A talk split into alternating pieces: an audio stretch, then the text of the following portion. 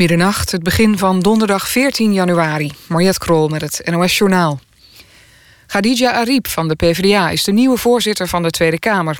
In vier stemrondes in het parlement versloeg ze Martin Bosma van de PVV... Madeleine van Torenburg van het CDA en VVD'er Ton Elias. De 55-jarige Ariep zit met een onderbreking sinds 1998 in de Tweede Kamer. Ze heeft naast de Nederlandse ook de Marokkaanse nationaliteit... en de PVV vindt haar daarom ongeschikt... Nadat ze was gekozen zei Ariep dat ze een voorzitter van iedereen wil zijn. Ze zal voorzitter zijn tot de verkiezingen van maart volgend jaar. Bij het dorp Hees in Noord-Brabant zijn twee dode varkens gevonden... op de plek waar een nieuw asielzoekerscentrum is gepland. Bij de varkens zijn protestborden en een spandoek geplaatst. Wie erachter zit is onbekend. De gemeente heeft de dode varkens weggehaald. De burgemeester noemt het protest zeer ongepast. Gisteren werd bekend dat het gemeentebestuur maximaal 500 vluchtelingen wil opvangen in een nieuw AZC in Hees. Premier Rutte begrijpt dat het voor nabestaanden van slachtoffers van de MH17-ramp frustrerend is dat het strafrechtelijk onderzoek lang duurt. Hij reageert daarmee op een brief die 18 families hem hebben geschreven. Die willen dat de radarbeelden van de aanslag boven tafel komen. Rutte zegt dat daarover voortdurend contact is met de VS.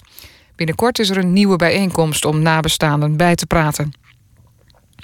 In de Franse Alpen is een groep middelbare scholieren bedolven onder een lawine.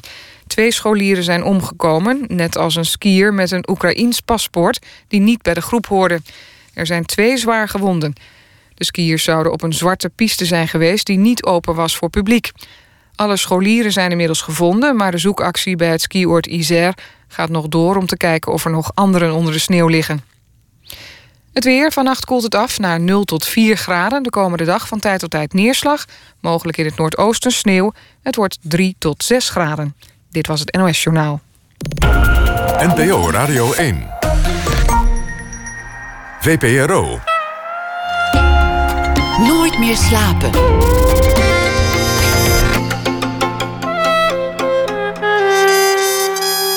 Met Pieter van der Wielen. Goedenacht en welkom bij Nooit meer slapen. Straks na één uur komt rapper Gers Pardoel op bezoek in de rubriek Open Kaart. Want hij gaat weer op tournee en hij zal vragen beantwoorden die hij zelf uit een bak trekt.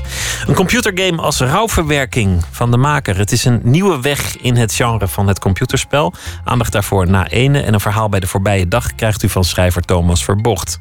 We beginnen met Kees Hin, want vanaf vrijdag houdt het Filminstituut AI in Amsterdam een driedaags retrospectief geheel gewijd aan zijn films. In 2012 gaf hij zijn archief aan het instituut, 250 blikken met allemaal films daarin. Ruw materiaal, beroemde films, losse scènes en ook films die helemaal nooit het daglicht zagen. Kees Hin, geboren in 1936, is een van de belangrijkste naoorlogse filmmakers van Nederland. Is al meer dan 50 jaar actief in het vak, maakte zo'n 100 films, documentaires, speelfilms, portretten, experimenteel werk en alles daaromheen. Als regisseur, als uh, producer, als schrijver en ook als uh, coach van uh, jongere filmmakers. Kees Hin, hartelijk welkom. Die, die 250 blikken in 2012 uh, uh, heb je die afgestaan. Wat, wat betekent dat voor jou eigenlijk, die, die stapel materiaal? Ja, dat, die, lagen allemaal boven in, in, de, zolder, in een zolderkamertje. En, uh, en daar waren een aantal films van. Maar ik kon maar niks weggooien. Ik, als ik een film aan het, aan het monteren was, dan was er altijd de, de ernaast. En dan werd het een stukje gebruikt. En, dan, uh, en, de, en de monteur gooide, gooide meteen de rest meteen weg. Tegenwoordig gebeurt dat digitaal, maar vroeger maakte hij dan echt een, een knip in een band. En dan had je dus een stuk ja. losse band over. Ja, dan had je soms. En op een of andere manier uh, was, was, was die ontmoeting die ik gefilmd had. Die ontmoeting met personen, of met het weer, of met de maan.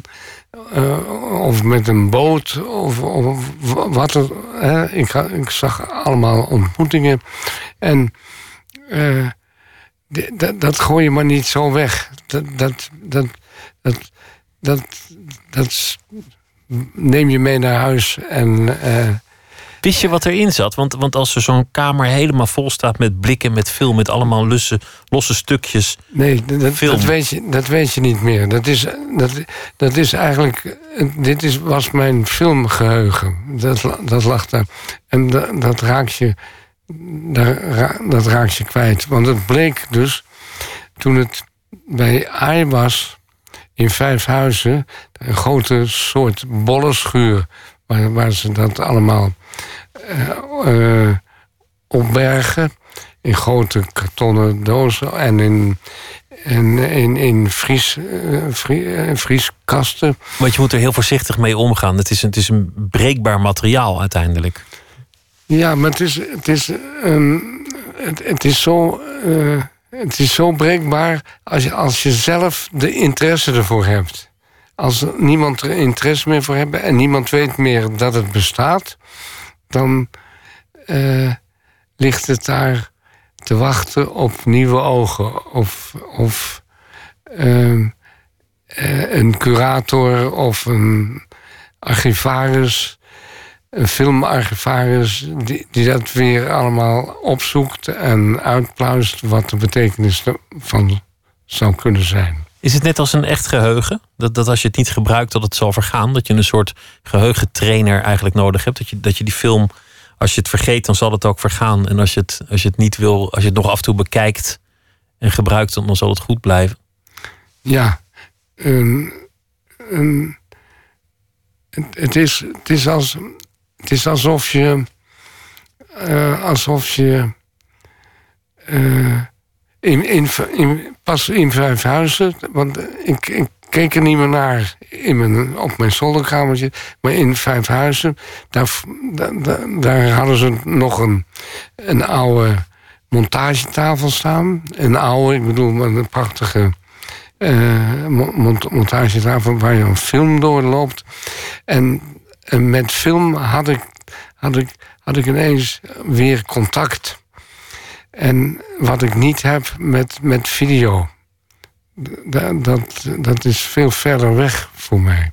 Dus eigenlijk is door het afstaan ervan en, en dat het daar nu opgeborgen ligt, is het tot leven gekomen omdat je er weer naar bent gaan kijken en bent gaan uitzoeken wat er eigenlijk allemaal tussen zit. Ja, ja. En, en, eh, en eh, ik, je, je wordt met stomheid geslagen. Je kan dagen op zo'n tafel zitten, naar een stukje film kijken en niet weten wat je ermee moet doen. Ik ontdekte een van de eerste dagen dat je. eh, ik had ineens materiaal dat niet voor mij was. Dat lag ineens tussen. En, en dat was in Afrika. Eh, en dat was een, een, een, tocht door, door, door een, een dorp waar, waar, waar rebellen huis hadden gehouden. Waar, waar allemaal mensen eh, met afgesneden en dode mensen en afgesneden ledematen lagen daardoor. En dan kwam een In welk jaar was bezoek dat? langs. En dat, dat, was, dat moet 20, 30 jaar geleden geweest zijn. Dat lag daar eventjes eh, mij wakker te schudden. En niet voor mij te zijn, maar mij toch uit de wereld wakker te schudden. Eh, Dat, dat, dat herinner ik me als, als een eerste kennismaking. En een tweede kennismaking was. eh, een, ik maakte een film over Pierre Kemp. Ook weer met K. Schippers. Ehm, en eh, Pierre Kemp was er, is er niet meer. Dus je, dat, dat doe je met de buurvrouw. En, en, en het meisje. eh, het spelende meisje, wat nu een jonge dame geworden is. En, en de buurman, die hem heel goed kent. En ik vond een rol film waar de buurman zo mooi Pierre Kemp kon zijn en over hem vertelde, maar tevens hem, hem eh, levend maakte. En, dat, en daarna heb ik, eh, daarna ehm, ben ik door de, door de archivaris eh, van AI vele malen meege- meege- meegenomen om materiaal uit te zoeken. En, en het materiaal vorm te geven. Om uit, uit, het, uit het restmateriaal eh, weer een nieuwe vorm te vinden. En dat heb ik. Er zijn ook verschillende stukken film die ik nou ga tonen. Al, bij bij de, drieda de driedaagse noem ik het. Tijdens het retrospectief, zoals ze, zoals ze dat zo mooi noemen. Ja. En, en, ehm, en wat, ik, wat ik er nou letterlijk aan overgehouden heb, is dat ik eh, wilde een, een. Ze maken. Het woord hommage kwam ter sprake. Ze maken een hommage naar mij toe. En eh, eh, eigenlijk werden al die, onafhan- die, die onafhankelijke 120 films... die, die kregen een nieuw, een, een nieuw eh, retrospectief-achtig karakter. Die kregen iets gezamenlijks dat, dat nieuw voor mij was. Eerst, eerst zag ik ze per stuk... En, en nu hoorden ze bij elkaar. Nu is het één geheel bij- geworden. Iets, iets waar, waar een verband tussen, tussen bestaat. Ja. Het is ook alsof je teruggaat in je, in je eigen geheugen. Het is ook alsof je anderen aan de vergetelheid onttrekt. Is dat eigenlijk wat je als filmmaker misschien stiekem altijd al probeerde te doen? Mensen Ja. aan de vergetelheid te onttrekken of voor de vergetelheid te behoeden. Je maakte vaak portretten van kunstenaars of, of andere bijzondere mensen, van schrijvers, van muzikanten, maar ook van. Het ging meestal wel over mensen, soms op reis. Nou ja, je hebt, je zo onnoemelijk veel dingen gedaan. Ging het uiteindelijk daarom, om, om de vergetelheid voor te zijn? Je bent. ehm, het, het is niet dat je dat, dat je dat. dat je dat doel hebt. Maar je kan niet anders. Ik, ik, ik kijk naar jou en ik krijg dus een, een, een bericht van mijn hersens. wie jij bent. Eh, En, en dan, dan zie ik het pas. Ik zie het altijd een fractie later. Zie, ik jouw beeld. Eh, eh, dan, dan, dan, dan, dat je er bent. Ik, ehm, ik heb nu onthouden, ik, ik combineer jouw beeld nu met de, de maan die ik buiten scherp zag. Daar, moet ik, daar denk ik nu aan, dus die combineer ik nu. Ik maak een plaatje met jou met, een, met, met de maan erbij. En, maar eh, je, maakt altijd een echo van de gebeurtenis. Je, maakt elk, elk filmshot is altijd erna. En, en elk filmshot is, is altijd een, een, een herinnering. En met die herinnering eh, en combineer je dat met een andere herinnering en maak je als het ware een, een, een, eh, een, een fantasie. Waar was je naar op zoek? Want je zei, ik, ik was altijd bezig met het uitknippen van de stukken die ik kon gebruiken en het, het weggooien, maar wel bewaren in een mandje van de stukken film die ik even niet kon gebruiken of, of waar ik niks in zag of wat dan ook. Wat waren die momenten die je aanvankelijk wel selecteerde? Is dat wat je nu zegt, zo'n zo'n ontmoeting? Of het moment dat je, dat je iemand koppelt aan iets of, of iemand werkelijk aankijkt? Nou, de, het, maken van een film, in, in, in, dat gaat in stadia. Je, je, je hebt een, of een idee en, en, dan komt, en, en een ander moet, moet daar geld in stoppen. In de, in de, hè, of eh, moet zeggen, ik wil het wel uitzenden. Ehm, en, dan verzamel je materiaal om je, verzamel je materiaal wat, wat ge- gebaseerd op, op, op een soort basisidee. En, en, en, en in, in de drie dagen of de tien dagen of de. eh, als het een beetje dure film is, eh, mag je er twintig dagen over doen. Mo- moet, je, moet je materiaal verzamelen waarin dat idee als ware aanwezig is. Waar, waar dat, waar dat eh, trilt. Waar, waar, in, in, een, in een ontmoeting met een persoon. In, in, in de ruimte van waar, als het over een persoon gaat, waar een persoon geleefd heeft of in rondloopt. En elke keer, elke keer weer oefen je als het ware het idee. Uh, oefen, je als het ware dat, dat, dat idee. Tot je genoeg materiaal over uh, hebt verzameld. Waarop je dan. En, links begint dan zeggen, de, de opening, een soort doorzetten van de opening, dan tot een soort halve conclusie komen, om dan weer te kijken hoe dat, hoe, hoe, hoe, hoe, hoe, hoe daaruit, hoe, hoe daaruit als het ware de basis van je, de basis van je idee, de verrijking van het idee, de, de, de, de, de vondsten die je gedaan hebt in, uh,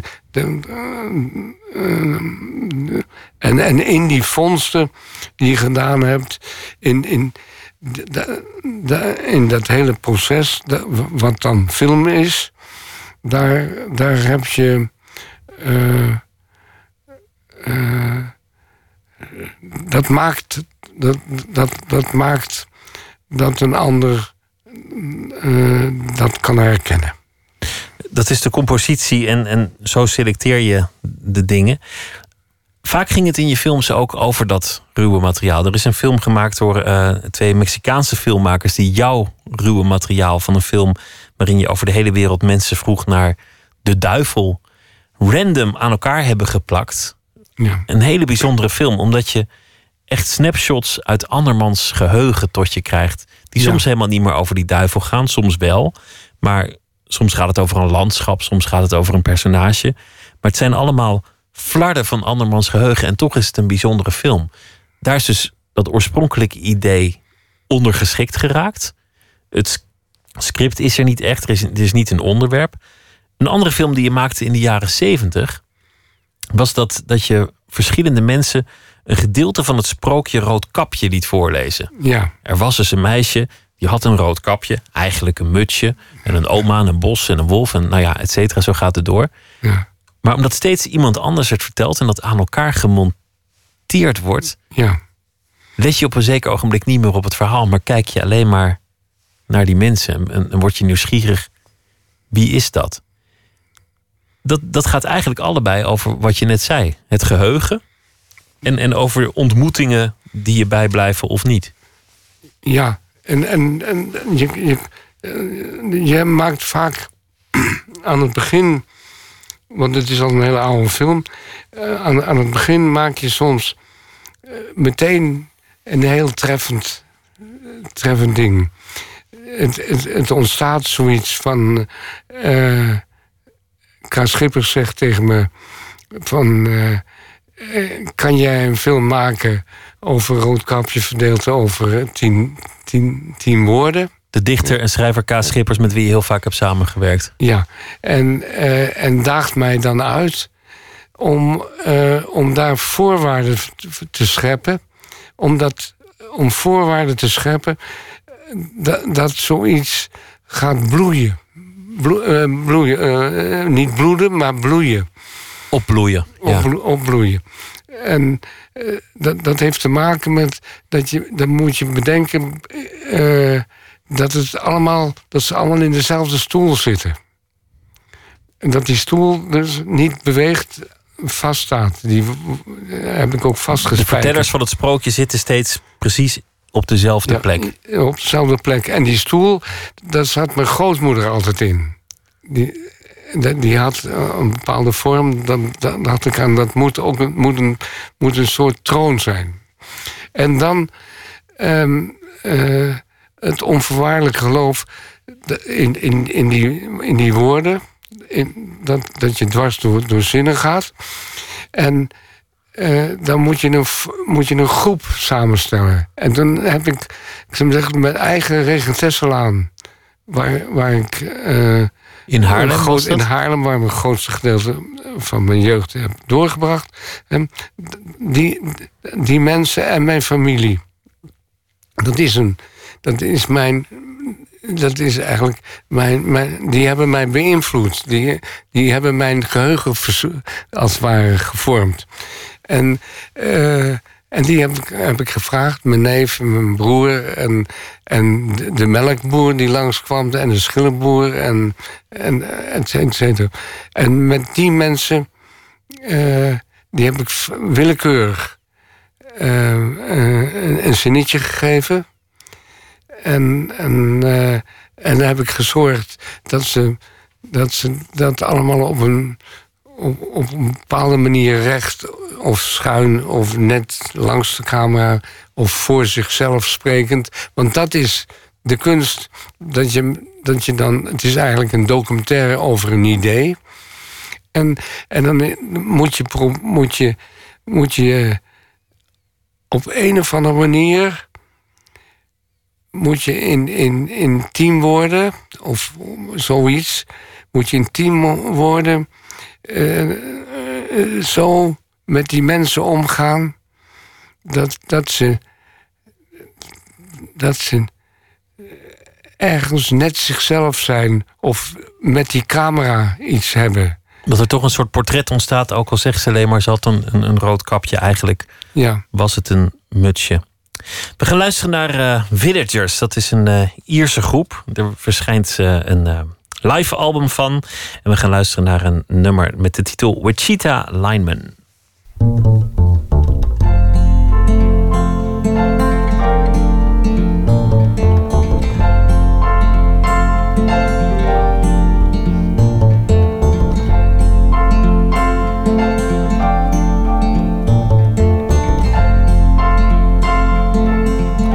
I am the lineman of the county, and I drive the main road, searching in the sun for another overload. I hear you singing in the wire. I can hear you through the wine and the Wichita lineman is still on the line.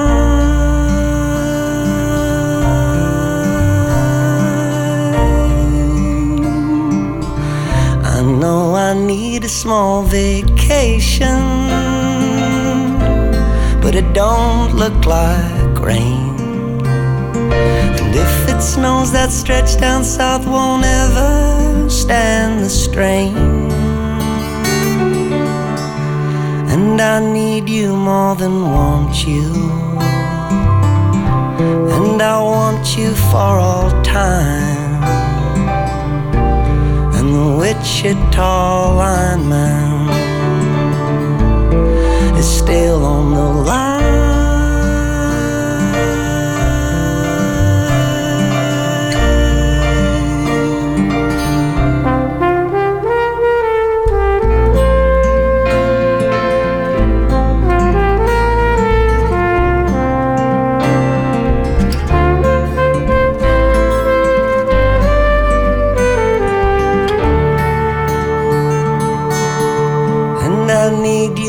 More than want you.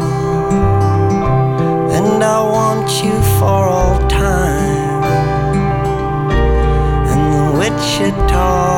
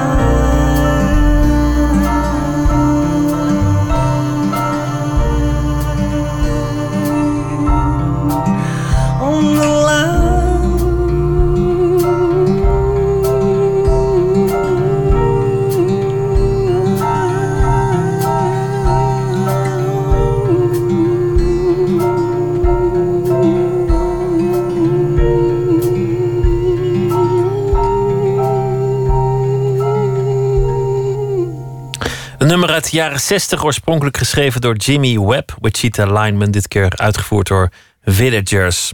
Kees Hin zit tegenover mij in Nooit meer slapen... naar aanleiding van een eh, terugblik op zijn werk in Filminstituut AI. Dat is eh, komend weekende. Oude films worden vertoond en ook uh, nooit eerder vertoond werk zal daar te zien zijn. Je, je vertelde over het ruwe materiaal, dat het, dat het ook een blik op je eigen reizen en geheugen is je zou het misschien kunnen vergelijken met vroeger als je een videocassette had en je had ongeluk andere dingen opgenomen, wachtend op een programma. En je ziet ineens dingen waarvan je helemaal niet het bestaan kon vermoeden, die toch herinneringen oproepen. Ik wil terug naar het, het begin toen je zelf filmmaker werd. Want, want jouw vader was ook al filmmaker. Ja. Dus, dus dan is het heel logisch dat ik vermoed dat er een soort verband is waarom jij filmmaker bent geworden en, en waarom dat, je vader dat al was. Ja, heel, heel ordinair. Ik, ik dacht mijn vader filmmaker en ik weet niet wat ik doen moet. En ik denk, ik wil ook filmmaker. Dan, dan ook maar filmmaker. Het is ook uit een soort verlegenheid met, met, uh, met wat, je, wat je zal gaan doen in het leven. Uh, hij zei ik, ik, ik, ik, ik, geloof niet zo erg in. Of ik heb het niet dat, dat, dat ik uh, uh, absoluut weet wat, wat, mijn doel is. Maar door, door op een rare manier, als ik, als ik film maak, dan, dan blijkt, blijkt nu achteraf dat ik toch wel een doel heb. Dat, dat al die films bij elkaar. Een, uh, ik zou zeggen, mijn, mijn nuttigheid. Uh, vertegenwoordigen of, zo, zo, of zoiets.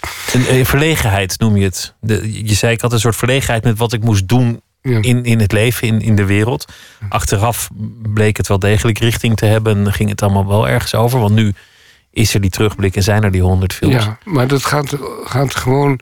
Hij, eh, vader zegt natuurlijk, ga eerst maar psychologie studeren. En dat ging helemaal niet goed. En toen stierf mijn vader.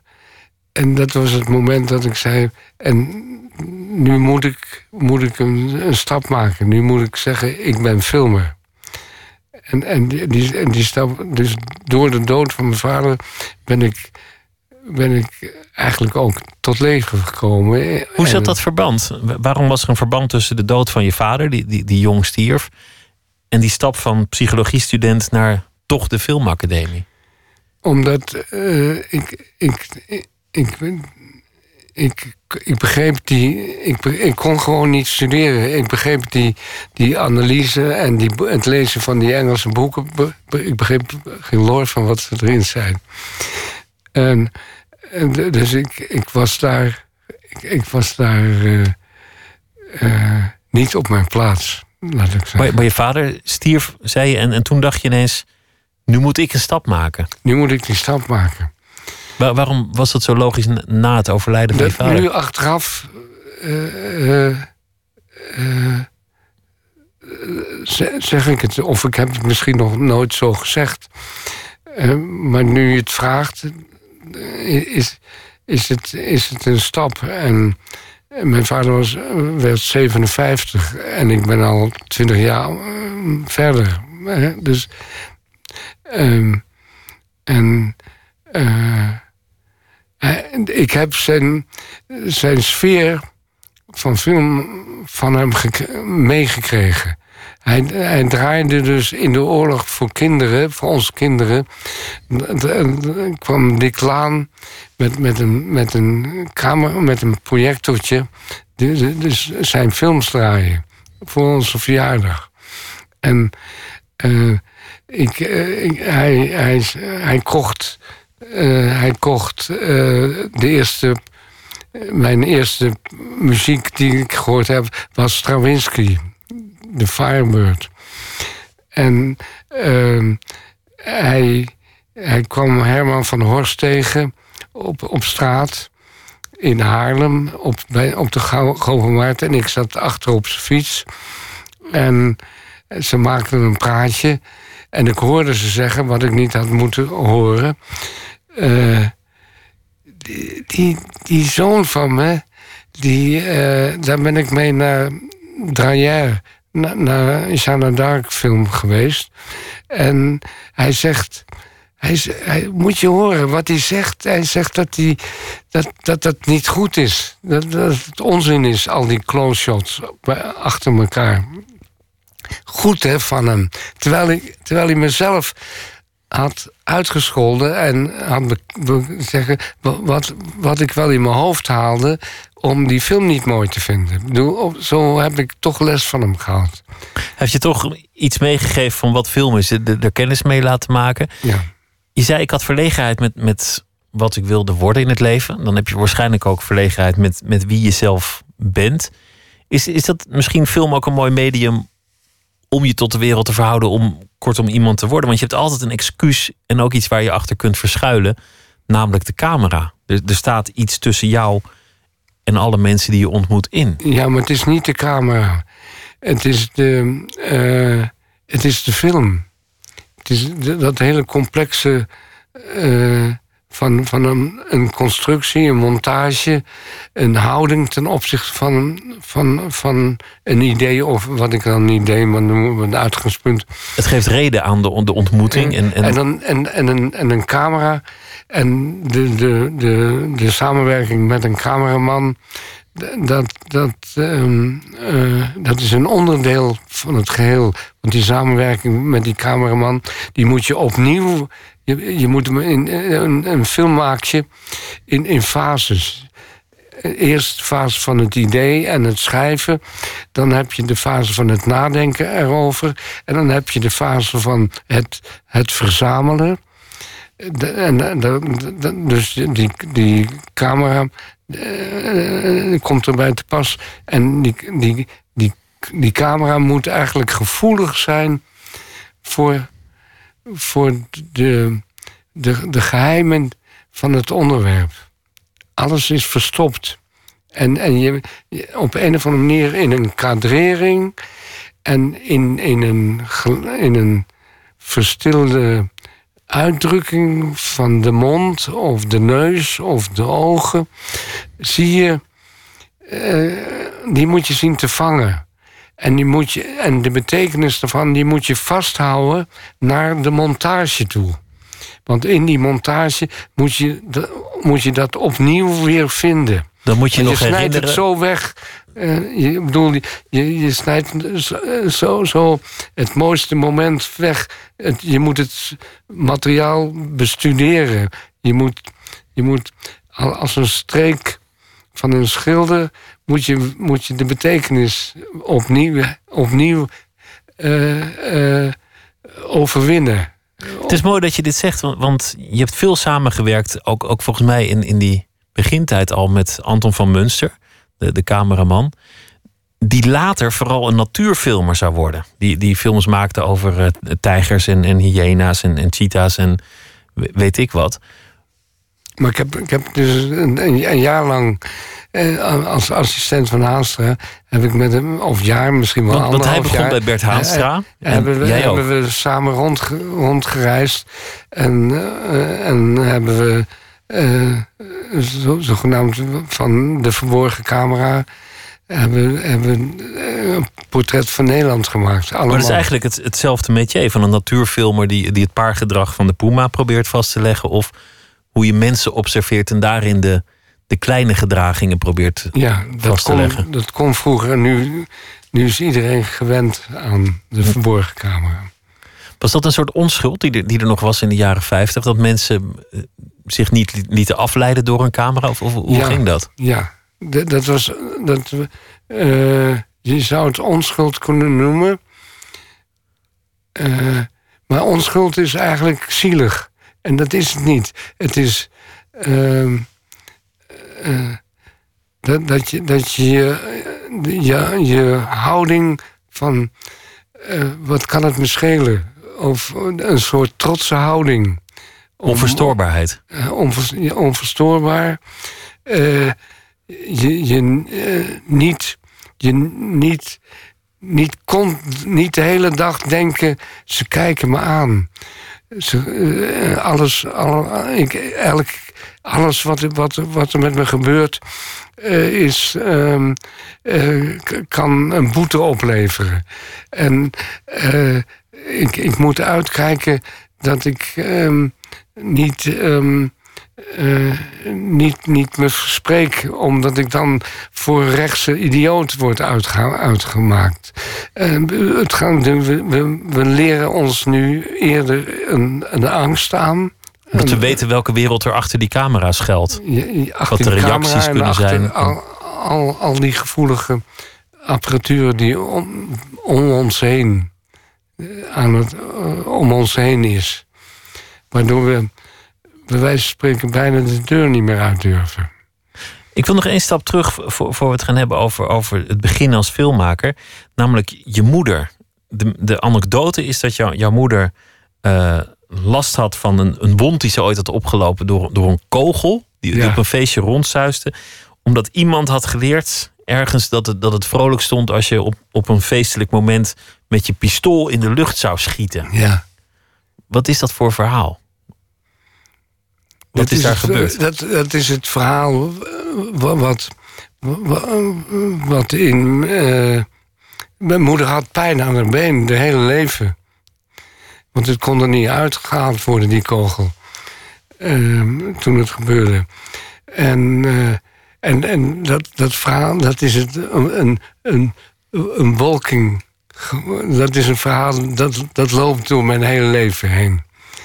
En, en, en, en eh, Dat is ooit verteld en altijd bijgebleven. is altijd bijgebleven. En, en dan ehm, gaat het erom van...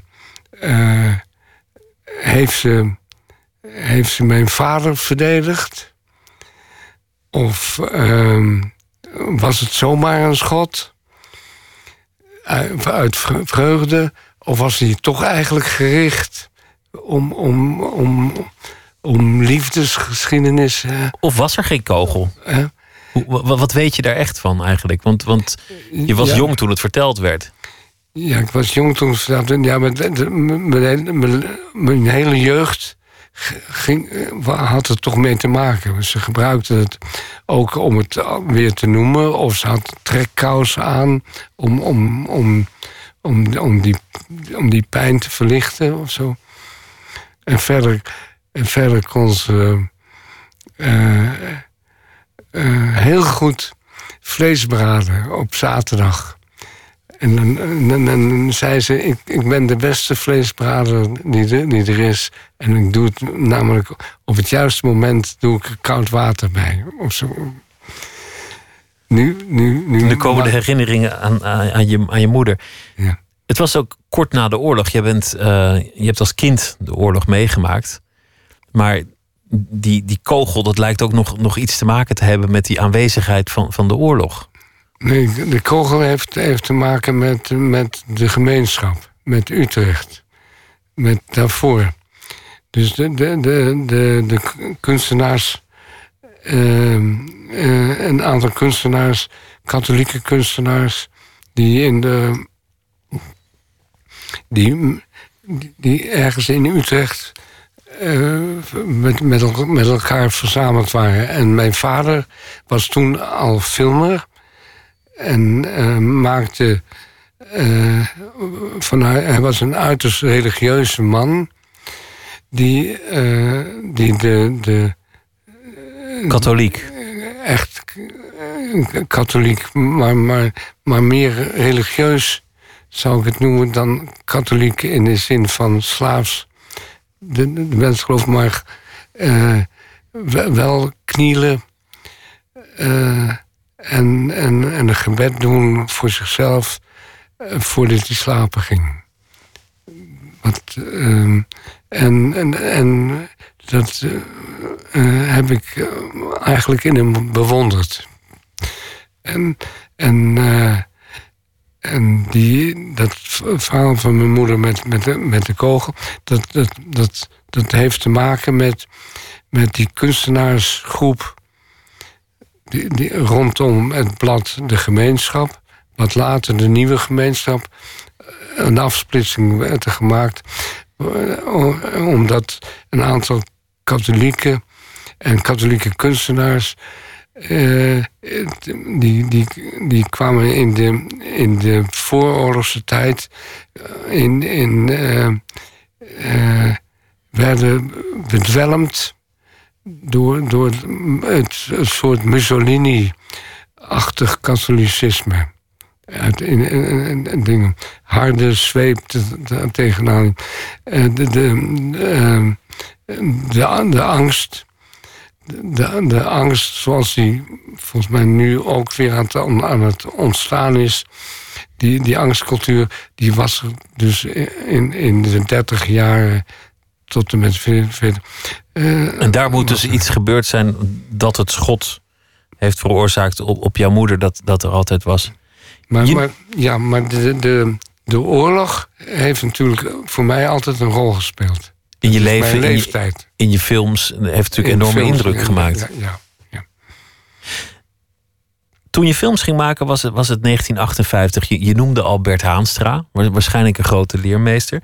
Dit was ook een prachtige tijd voor de cinema. Omdat mensen op allerlei manieren bezig waren dat, dat medium dat nog relatief nieuw was te verkennen. Om de grenzen daarvan op te zoeken. Wat, wat voor sfeer was het toen op de, op de filmacademie? Wat voor jongens zaten daar en wat, wat gebeurde daar allemaal? Dus, uh, het was het eerste jaar. Het was net begonnen. Koolhaas was toen directeur en, en was de, de, de baas eigenlijk. En uh, ik, ik kon daar niet mee, mee opschieten. Dus zodra. Uh, ik, ik ben er maar drie kwart jaar geweest op die filmacademie.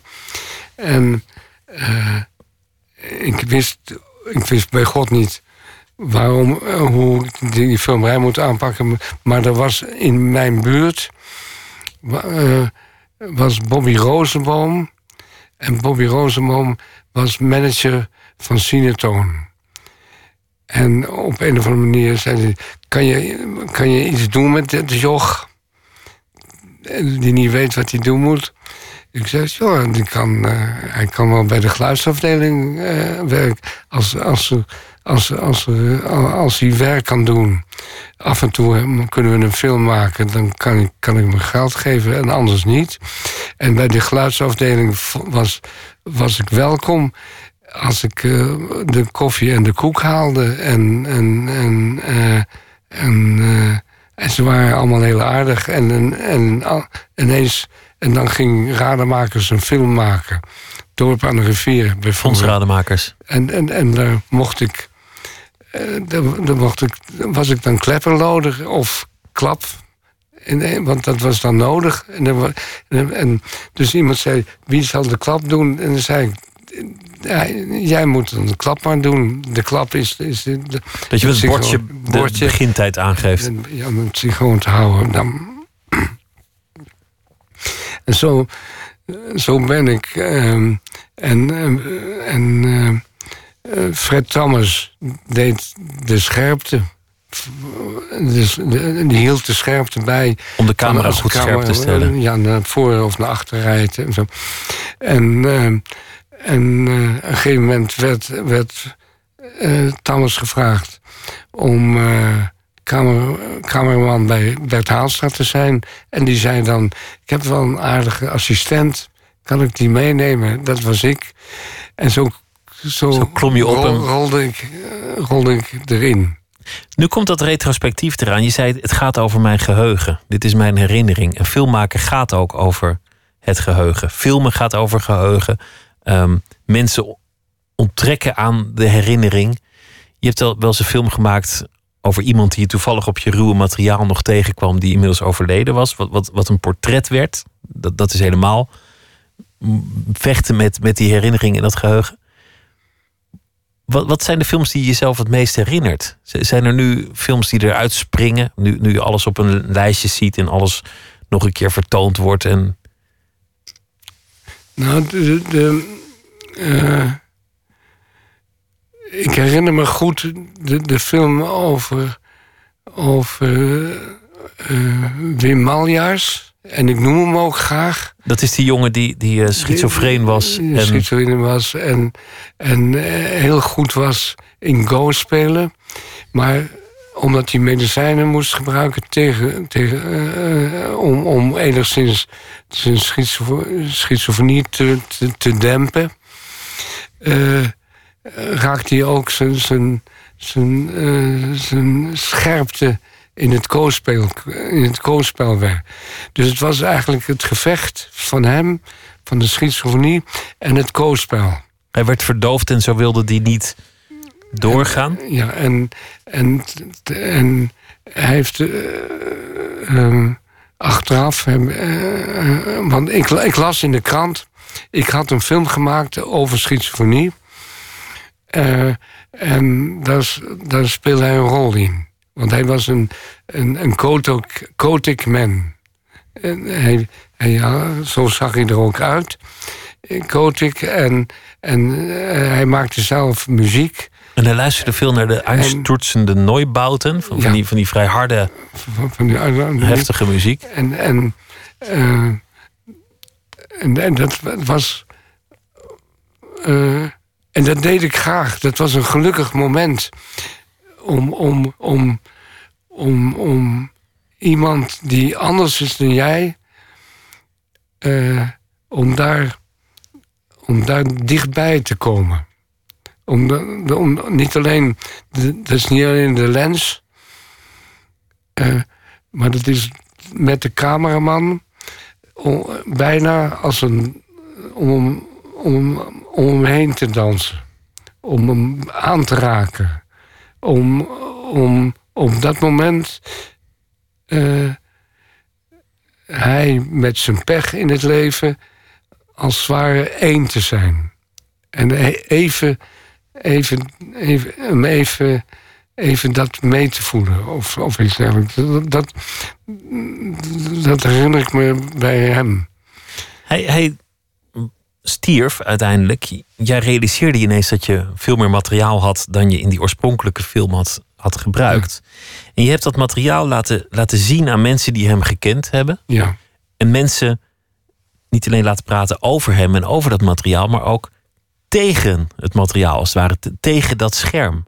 Ja, want, want ik, ik kon dus ineens die herinneringen door, door de cinema tot leven brengen. Want ik had dat materiaal bewaard. Ik had, toen had ik het materiaal, dus ik had materiaal over, over die ontmoeting met, met hem. Eh, had ik, ehm, eh, heb ik, heb ik geprojecteerd in een huis, in, zomaar in, een huis. Niet, niet in, een, in een studio, maar in een huis. En, en op een gegeven moment komt via, via de, de film... Uh, komt, komt hij, is hij er even. En dat is weer de, de, dode man die, die gestorven is in, in de cel... omdat ze niet goed opgelet hebben. Dat is weer de, de film die iemand onttrekte aan de, de, vergetelheid. Hoe zie je het heden? Want, want het is 2016 eh, en, en iedereen filmt alles met zijn mobieltje. Mensen plaatsen filmpjes op het internet. Mensen zien hun hele leven, als het, als het even kan, door, door glas, omdat ze het filmen. Zoals jij 250 blikken hebt, dat is eigenlijk nog helemaal niks vergeleken met de, de enorme filmzucht van mensen nu. Ja, maar zien, zien, eh, zien ze eigenlijk wel? Zien ze, zien ze niet als. als zien, zien ze eigenlijk niet allemaal hetzelfde? Zien ze eigenlijk wel de betekenis van wat ze zien? Kan je. Uh, uh, dus ook als je, als je met de nieuwe middelen, de nieuwe middelen van zichtbaar maken, moet je, moet je eigenlijk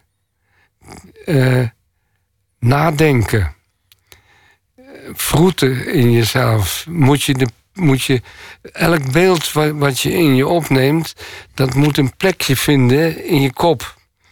Dat moet in je, in je geheugen uh, moet zoeken waar, waar, het interessant is. Waar, waar, waar je een interessante combinatie hebt. ik, ik, ik, ik vond over die Wim Maljaars... Ik, dus ik noem hem weer gaan. Wim Maljaars, Wim Maljaars, Wim Maljaars. Want dat wil je toch. Hij wil... Hij, voortleven. Ik, voortleven. Zijn. Een monument heb ik voor hem gemaakt. De, die film was een monument voor Wim Maljaars. Maar... Uh, uh, je, je hebt tijd nodig om, om, om die schakels te maken.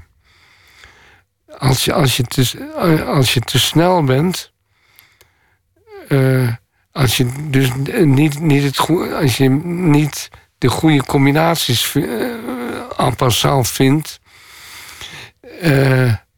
worden we allemaal hetzelfde. Gaan we, nemen we dezelfde besluiten. Raken we in de buurt van de dertig jaren. Waar je dus, dus een, je, je kan een heel, heel volk omturnen in, in, in een oogwenk. Als, als je de goede psychologische methodes weet of zo. Als je geen tijd neemt, verlies je je eigenheid en, en dus, dus word je één met, met de massa. Ja, dus ik, het is onzin om te zeggen dat, dat, dat, dat het dat het slap is. Dat het, dat het videobeeld, het 4K-beeld, zoals ik zeg, zo, zo, plat is als een dubbeltje. Geen diepte heeft. Het heeft, het heeft dus letterlijk geen diepte. Maar uh, je, je, je moet. Je kan net zo goed met dat geen diepte een nieuwe, nieuwe vormen vinden. En, uh, en nieuwe, nieuwe bedenksels. En uh, nieuwe boeken schrijven. En, uh, en die zullen ook interessant zijn. Er zullen ook meesterwerken tussen zitten. Je wordt dit jaar 80 jaar. Dat betekent dat je in ieder geval spaarzaam moet zijn met de plannen die je nog maakt. Je, je zei net, ik heb, ik heb mijn vader ruimschoots overleefd met, uh, met, met 23 jaar. Hoe ga je daarmee om? Met, met de tijd die, die nu aan het vervliegen is en met de herinneringen die er nog bij komen? Nou,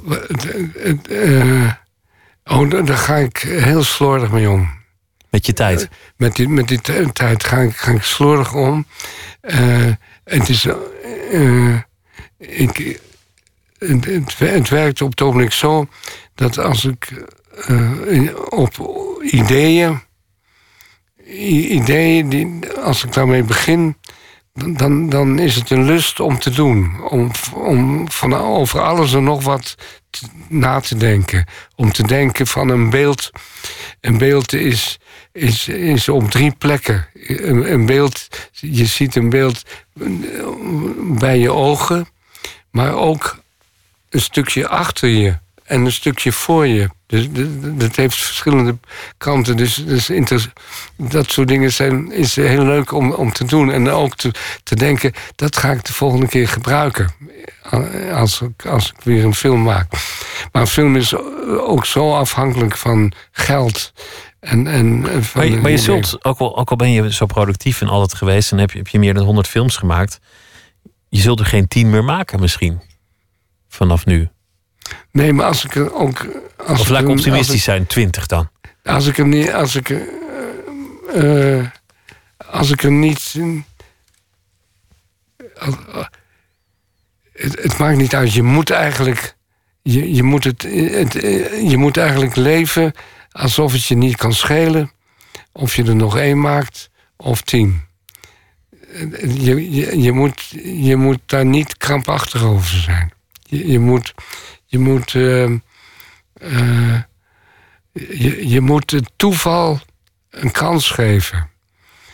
Je moet het toeval moet je constant oefenen. Je moet als, een, een, violist, een, een, violist moet de hele dag spelen om, om, om, om, om om het in zijn lijf te, te, de muziek te krijgen. En ik moet de hele dag met film bezig zijn en denken. En ook nog met mijn familie en met mijn vrouw en met mijn kinderen en met mijn buurvrouw en met mijn vrienden. En, en, en, en, en daar heb je steeds minder tijd voor. Maar je moet. En mensen vinden het fantastisch als je, als je veel als je, als je reageert als filmer. Als, als, als, als, uh, als uh, en, En als zou je geen enkele film maken, maar als zou je interessante gesprekken over film voeren. Althans, voor jou interessante gesprekken. En dat je voelt dat een ander het interessant vindt om ernaar te luisteren. Dat, dat is ook film maken. Je moet filmer blijven tot het, tot het allerlaatste einde en tot de allerlaatste snik. Want dat was ook de manier waarop jij kon zijn. Waarop je, waarop je een richting in je bestaan had. Daar ging je leven bij uitstek over. 250 blikken, dat, dat is jouw herinnering. Het is niet alleen jouw eigen geheugen, maar het is ook de herinnering aan jouzelf als, als filmmaker. Ja.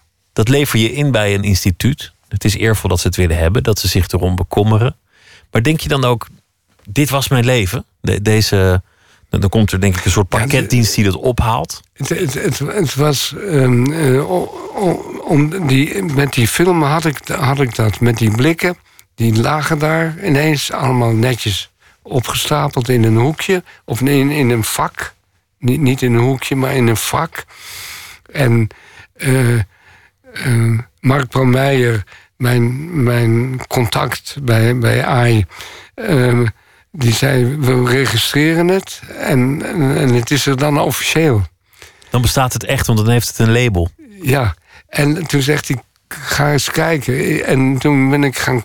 En hij, hij liet me kijken in, in, in de vriesruimte. En hij zegt, ga naar 490-2. En ik loop daar zo langs op een trapje. En uh, ga een trapje op en, en loop dan langs. En ik doe, doe de, de, de deur open van, van, die, van het vriesvak. Daar ligt een blik. En ik pak het blik en daar staat op, daar staat op Theater van het Geheugen. En toen dacht ik, het is toch niet waar. Dus het wordt dat dat de eerste zorg, zorgvuldig wordt mijn, door, door het koel te houden, wordt, wordt mijn geheugen verlengd. Mijn, de theater van de geheugen, de film die ik, die ik gemaakt heb.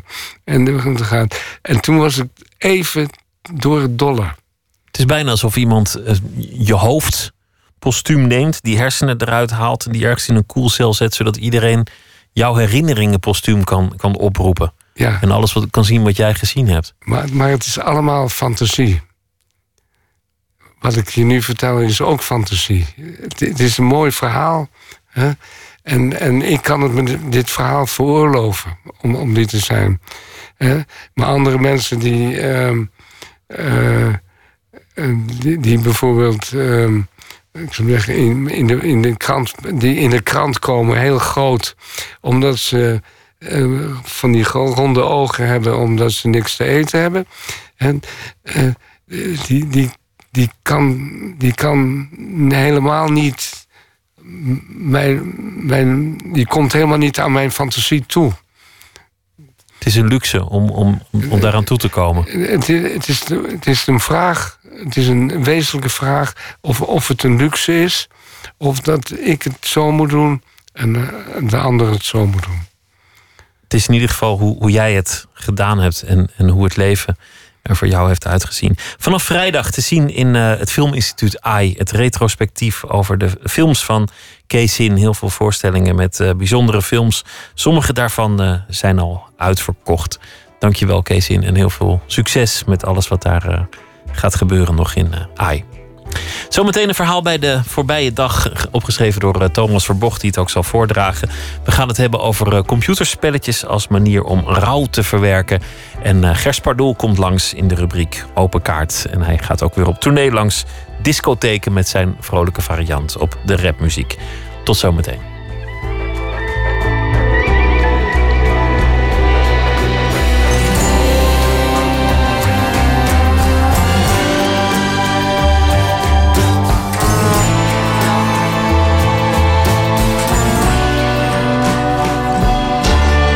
Radio 1.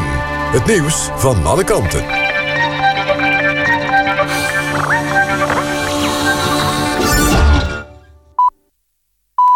1 uur, Mariette Krol met het NOS Journaal. Bij de Volkeraksluizen is een duwboot gezonken na een botsing met een tanker. Alleen de kajuit van de duwboot ligt nog boven water. Er zijn geen gewonden, maar wel is de sluis nu gedeeltelijk gestremd, meldt Rijkswaterstaat. De Volkeraksluizen liggen in de vaarroute tussen Antwerpen en Rotterdam. De nieuwe voorzitter van de Tweede Kamer is Khadija Ariep van de PvdA. De afgelopen avond werd ze na vier stemrondes in het parlement... verkozen boven Martin Bosma van de PVV... Madeleine van Torenburg van het CDA en VVD'er Ton Elias. Nadat ze was gekozen zei Ariep dat ze een voorzitter van iedereen wil zijn. De PVV vindt haar ongeschikt omdat ze naast de Nederlandse nationaliteit... ook een Marokkaans paspoort heeft. Ariep noemde haar nieuwe baan een eervolle functie en een prachtig ambt... Ze zal voorzitter zijn tot de verkiezingen van maart volgend jaar. In de Franse Alpen is een groep middelbare scholieren bedolven onder een lawine. Twee scholieren zijn om het leven gekomen, net als een skier met een Oekraïns paspoort die niet bij de groep hoorde. Er zijn twee zwaar gewonden. De skiers zouden op een zwarte piste zijn geweest die niet open was voor publiek. Alle scholieren zijn inmiddels gevonden, maar de zoekactie bij het skioord Isère gaat nog door om te kijken of er nog anderen onder de sneeuw liggen. De kadavers van de vijf potvissen die op het strand van Texel liggen... worden de komende dag weggehaald. De dieren spoelden dinsdagmiddag aan, maar gingen al snel dood. Medewerkers van de Universiteit Utrecht krijgen nog de gelegenheid om sectie te verrichten. Maar daarna worden de dieren weggehaald met een speciaal schip... dat tot ver in de branding kan varen. Ze worden naar Harlingen gebracht om daar te worden ontleed. Het weer. Vannacht koelt het af naar 0 tot 4 graden. De komende dag van tijd tot tijd neerslag. Mogelijk in het noordoosten sneeuw. Het wordt 3 tot 6 graden. Dit was het NOS Journaal. NPO Radio 1. VPRO. Nooit meer slapen.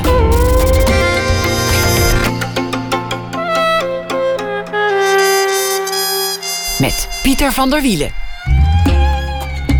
U luistert naar uh, Nooit meer slapen. Thomas Verbocht is schrijver van romans, korte verhalen en toneelstukken. En columnist van De Gelderlander. En deze week zal hij elke nacht een verhaal voordragen bij De Voorbije Dag. Thomas, goeienacht. Goeienacht, Pieter. Hallo.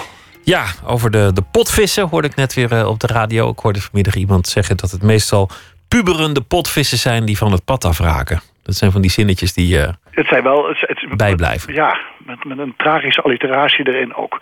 Ja, uh, en, en, en uh, vannacht was al duidelijk dat ze het waarschijnlijk niet zouden halen. Nee, er zijn draaiboeken voor tegenwoordig en deskundigen die door uh, weer, wind en regen daar naartoe waren gegaan. En de potvis zal onder zijn eigen gewicht bezwijken. Oh ja, dat, ja, het gaat, het, ja, ze krijgen daardoor ademnood. Ja, ja, ja. Wat is jou vandaag opgevallen? Een heel klein dingetje maar. Maar ik heb er, ik heb er wel iets over geschreven. Mooi. Althans een klein dingetje met, met, een, ja, met een mooie bijkomstigheid, denk ik. Um, op de radio hoor je nog steeds mensen over goede voornemens spreken. Vanmorgen ook. Vroeg op de dag.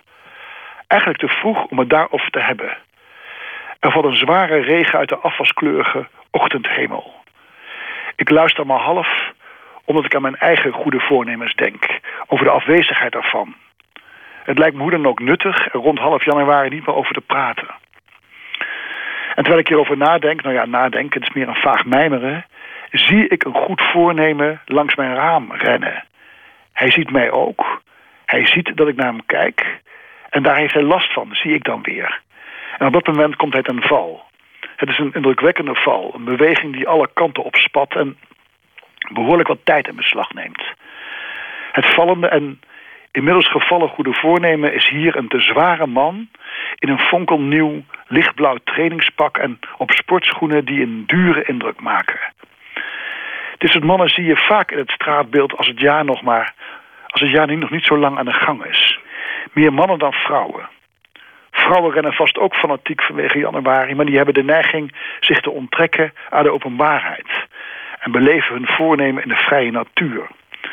Mannen hebben de openbaarheid van de straat nodig. Waarschijnlijk om de ernst van het voornemen te versterken. En vanochtend is het ook nuttig, want ik kan me om de gevallen man bekommeren. Ik voel me schuldig om zijn situatie, want ik nam hem misschien iets te serieus waar en dat leidde hem af. Hij heeft zijn rechterkuit vast en kijkt beklagenswaardig. Ik wil geen overbodige vragen stellen, wat mensen vaak doen. En dan bijvoorbeeld vragen, bent u gevallen? Nee, ik maak het begin van een hulpverlenend gebaar. Hij is jonger dan ik, maar lijkt ouder. Hoe ik zoiets vaststel, weet ik niet, maar ik doe het graag. Hij wil zich oprichten en ik steun hem daarbij. Hij zegt, had ik niet moeten doen. En nog een keer. Had ik niet moeten doen. Ik knik, want we moeten veel niet doen. De man zegt dat hij zijn vrouw beloofd heeft binnen twee maanden vijf kilo af te vragen. Vallen. Vijf kilo af te vallen. Ik knik en stel nu al vast dat er daarna nog voldoende over is. Lopen lukt hem nauwelijks. Ik vraag of hij niet even naar huis moet bellen. Ja, nee, zijn mobieltje ligt thuis, zegt hij, want hij heeft zijn vrouw beloofd het ding niet voor ieder wissewasje te pakken. Wissewasje is een woord dat meestal tot nadenken stemt.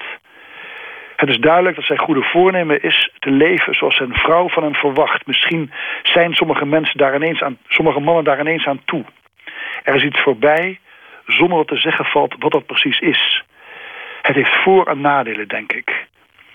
Ik ondersteun hem naar huis, wat geen lange wandeling is. Zijn goede voornemen heeft vandaag 200 meter geduurd. Aan het eind van die 200 meter opent zijn vrouw kordaat de deur. En na die handeling kijkt ze naar het tafereel dat voor haar staat. Dat doet ze zwijgend. In dat zwijgen is ze heel aantrekkelijk. Een vrouw uit een oude Franse film. Dan zegt ze, ik zei nog zo, je moet het rustig opbouwen. De man laat zijn hoofd een beetje bitter hangen. Ik snap dat wel. Ook het woord opbouwen stemt vaak tot nadenken. Thomas Verbocht, dank bij deze, over deze beschouwing over het uh, goede voornemen. Ja, daar moeten we onder andere mee ophouden nu, uh, Pieter, nu het 14 januari is. Vind je niet? De meeste zijn al verdampt en, ja. en verwaaid en uh, we kunnen ze weer achter ons laten. Oké. Okay. Goeienacht, tot morgen. Tot morgen, dag. Uit Londen komt uh, King Charles. Hij is een uh, liedjesmaker die ooit door een jury met daarin grootheden als Tom Waits, Beck en Jerry Lee Lewis werd gekozen tot het songschrijftalent van 2009. Is alweer een tijdje terug, maar er komt een nieuwe plaat aan. En we gaan eens kijken of het uh, nog steeds barst van het talent. Hier is Gamble for a Rose.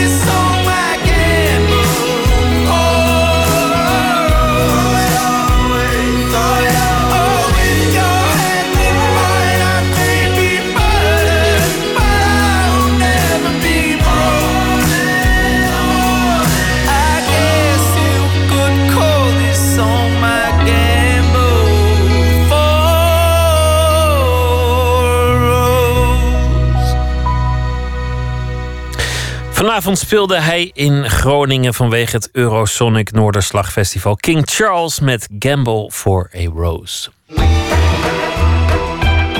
Nooit meer slapen. Zangeres Patti Smith geldt als een van de grondleggers van de New Yorkse punk scene. En ze is ook bekend van hits als Because the Night. Ze is niet alleen een uh, begenadigd muzikante, maar ze is ook een goede schrijver. 2010 verschenen haar memoires Just Kids over haar jonge jaren in de grote stad. Dat boek is uh, bewerkt tot een theaterstuk door de theatergroep Oostpol. Verslaggever Maarten Westerveen die sprak met actrice Judith van den Berg en met de tekstschrijver Roland Hofman over hun adoratie van Patti Smith. Come. Take my hand. Patti Smith. Gevierd zangeres, dichter en punkicoon met de naam van een buurvrouw. Na een leven van succes keek zij in haar boek Just Kids terug op haar jonge jaren. Op de dagen dat ze als provinciaal vol verwachtingen naar New York vertrok. Op de tijden dat ze samen met de jonge fotograaf Robert Mapplethorpe het probeerde te maken. Wat het dan ook mocht zijn. Over het leven dat ze samen met Mapplethorpe deelde. En hoe dat door zijn ontluikende homoseksualiteit veranderde en door AIDS uiteindelijk eindigde. Just Kids werd door theatergroep Oostpool bewerkt tot het stuk They Are Just Kids. Roland Hofman bewerkte Smith's teksten en aan actrice Judith van den Berg om het icoon te vertolken. Oké, dat. Uh... Nou, het begint met een uh, monoloog die ik uh, eigenlijk uh, voor, aan het eind, voor, voor het eind had geschreven. Het begint met een monoloog eh, waarin Patty een soort van stream of in een soort van stream of consciousness monoloog. Um, een soort hele persoonlijke bewerking van mij van alle teksten van Horses doet. Spreek tot mij, gitaar. Kom op, gitaar. Laat me je horen, gitaar.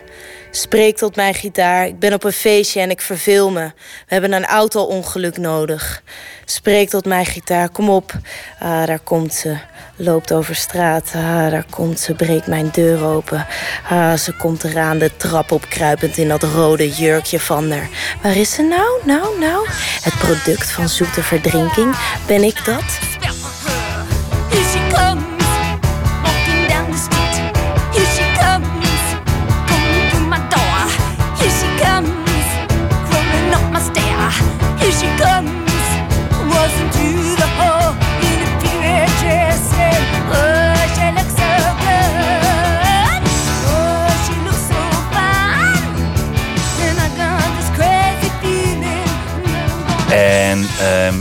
Judith die, eh, die, die speelt dat als een soort van ja, een soort van trippende rockster. En dat gaat alle kanten uit. En uh, er wordt ook uh, heel heftig gitaar bij gespeeld. En dat vond ik echt een waanzinnig, waanzinnig begin. Ik vond ook heel goed dat ze uiteindelijk mee begonnen zijn. Want het gaat echt over een totale poëtische overgave. Die en heel erg grappig en poëtisch is. En ja, wat mij betreft heel erg over Patti Smith gaat. Die ook zoals ik haar heb meegemaakt, ik heb haar nu twee keer um, bij een concert gezien, precies diezelfde overgave heeft. Um, ja, ik vind dat. Um, ja, ja dat, dat, dat vond ik wel het meest, het meest kenmerkende aan het stuk. Wat ik het, dat vond ik het meest geslaagd, zou ik maar zeggen. Ik denk dat het heel fijn was dat wij dat het geïnspireerd is op. Dus dat het daarom ook heel erg gaat om hoe wij het zelf interpreteren. En ja, ik, ik denk dat ik dat vrij snel heb losgelaten dat ik haar zo goed mogelijk na moest doen. Want ik dacht echt van ja, dat, dat is zo'n enorme wereld. Dat kan ik helemaal niet vatten, ook als actrice niet. Maar ik vond het wel leuk om te zoeken eigenlijk naar haar grilligheid. Dat vond ik iets heel tofs. En, en, en dat zij geen chaîne lijkt te hebben of zo. En dat zij gewoon zo vol in dingen gelooft. En zo serieus neemt. En zichzelf ook zo serieus neemt en zo. Dat, dat vond ik echt een uitdaging. Omdat ik dat zelf veel minder heb dat ik mezelf zo serieus neem. Waar moest je aan denken toen, jij, uh, toen je voor die rol gevraagd werd? Wat was het eerste beeld uh, dat je van haar had toen je werd gevraagd van... Goh, wil jij Patty spelen? Nou, het grappige is, ik, ik kende haar niet echt. Ik dacht zo, oh ja, rockzangeres. Ik had wel zo'n soort beeld eigenlijk van dat haar wat ik nu heb... zo zwart haar met een pony, zoiets. En mijn oom die is heel erg fan van haar. Dus ik wist wel dat het in die hoek was. En ik dacht jaren tachtig of zoiets. Maar eigenlijk kende ik haar niet zo goed. Dus ik heb haar echt leren kennen voor dit stuk, zeg maar. heb ik echt, eh, nou ja, toen ben ik ook het boek gaan lezen en ben ik allemaal YouTube-filmpjes en dingen van haar gaan kijken. En eh, ik had nog nooit een concert van haar gezien. Dat heb ik nu laatst gezien toen ze in Nederland was. Dus dat was wel gek om na haar gespeeld te hebben, haar ineens in het echt te zien. Dat vond ik ook ja, toen ze opkwam, schoot ik ook echt vol. Ik vond dat echt ongelooflijk om haar in het echt te zien. En ja, er gaat zo'n kracht van haar uit. Ja, ik vond haar echt ja, onwijs stoer. Ja.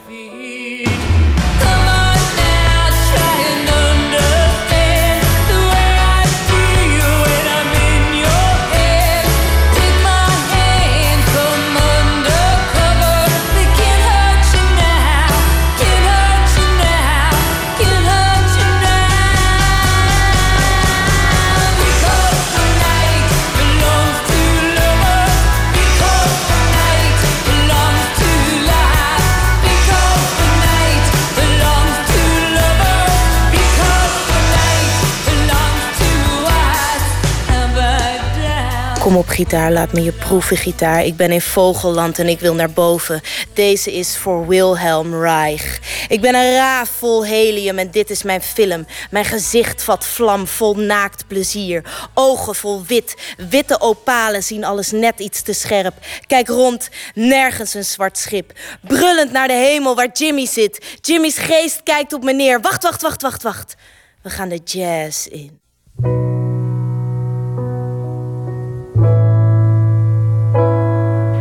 Ik heb de eer gehad Patti Smith zelf te mogen interviewen over haar boek Just Kids.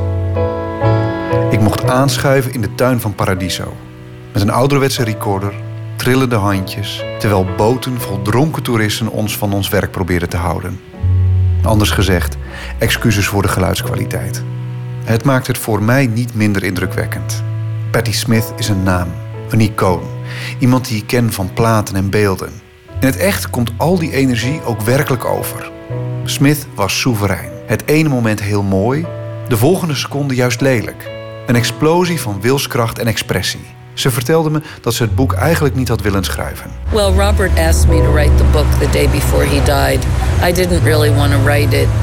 The book he wanted me to write was our story, you know, which is like a Hansel and Gretel style of story. I don't know, a sort of a fable. And only I could write it. So I wrote it for him. Maplethorpe smeekte Smith hun verhaal op te tekenen.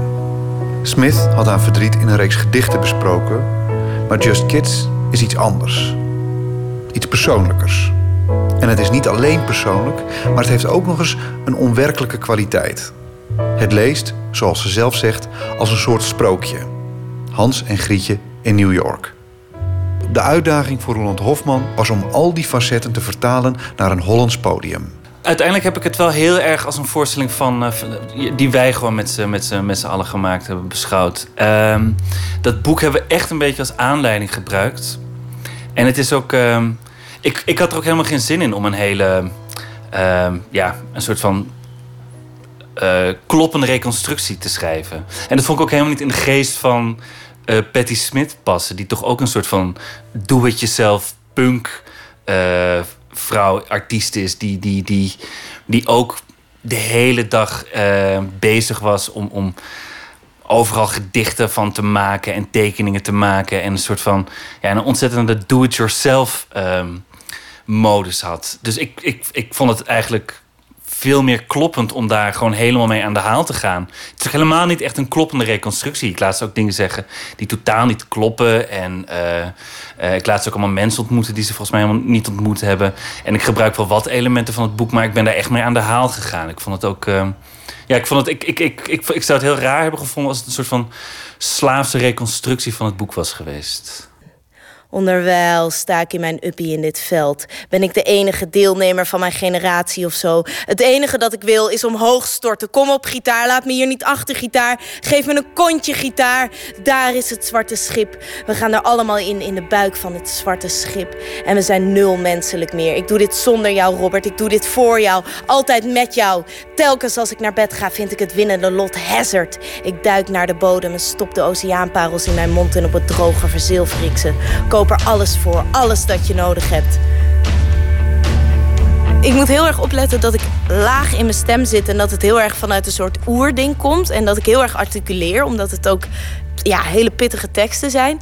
En vooral dat ik me concentreer op de inhoud. Om echt de woorden te maken en vormen te zien, de beelden te maken van wat ik vertel. En, en, en ja, dat eigenlijk. En dan heb je dus die elektrische gitaar. Dus ik reageer ook heel erg op wat Matthijs doet met die gitaar. We zijn eigenlijk echt samen muziek aan het maken en een performance aan het maken. En het, het ziet er hier dus rook. En Matthijs is naakt met allemaal verf. En ik zie er ook met een kapotte panty. En nou ja, het is zeg maar, qua beeld is er ook wel wat te zien. En, en beweeg ik me ook, probeer ik me als een soort oervrouw over het podium te bewegen. Je hebt daar nu een heel aantal keren gespeeld. Wat is er nou aan de hand? Word jij steeds meer Patty of wordt nou ja, Patty steeds meer Judith in dit geval? Hier op het podium. Ja, ik denk wel Patty steeds meer Judith eigenlijk. Ja, ik denk, ja, ja, ik denk dat ik begon vanuit Patty, wie zij was. En dat eigenlijk een soort van proberen na te spelen. En dan zoeken naar wat zijn onze overeenkomsten. En nu, ja, ik denk dus Patty dat ik meer Judith... Ja, Judith's Patty eigenlijk. ja.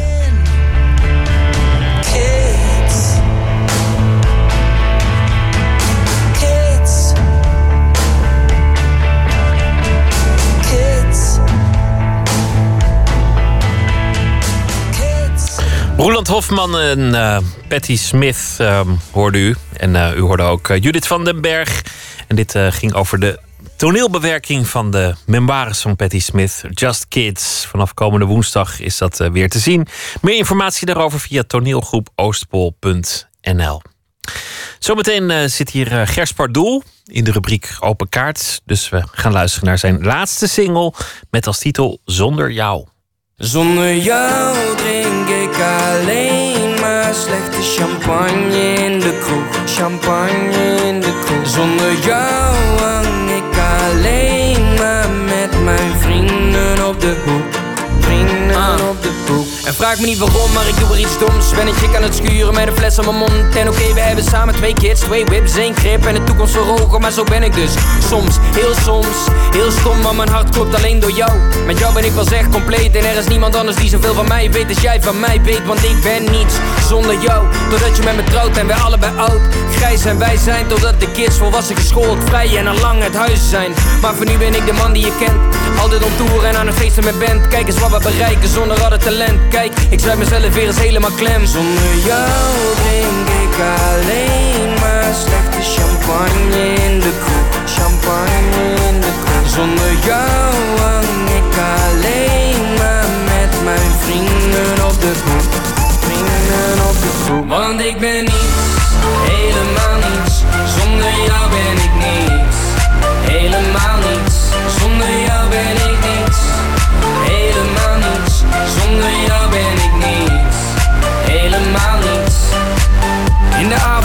in de ochtend seks, maar jij bent wonderbaarlijk en soms een heks. En oké, we hebben samen twee kids, twee whips, één grip en de toekomst voor ogen, maar ik ben niet gek, misschien een beetje. Maar de meeste tracks die zijn voor jou geschreven. Ups en downs, dat reed het leven. Dus denk niet dat ik dit alles ooit op zou geven voor een paar problemen. Ik ben niets zonder jou. En ik laat jou nooit in de fucking kou. Nu zie je me lopen met een rechte rug. Maar ooit zaten we samen in de diepste put. En ook al ben ik soms ook een klootzak, mijn hart is klein en helemaal van jou. Ooit wil ik samen met een advocaatje, gezellig met je kaart en als twee bejaarden. Zonder jou drink ik alleen maar slechte champagne in de kroeg. Champagne in de kroeg. Zonder jou hang ik alleen maar met mijn vrienden op de hoek. Vrienden op de hoek.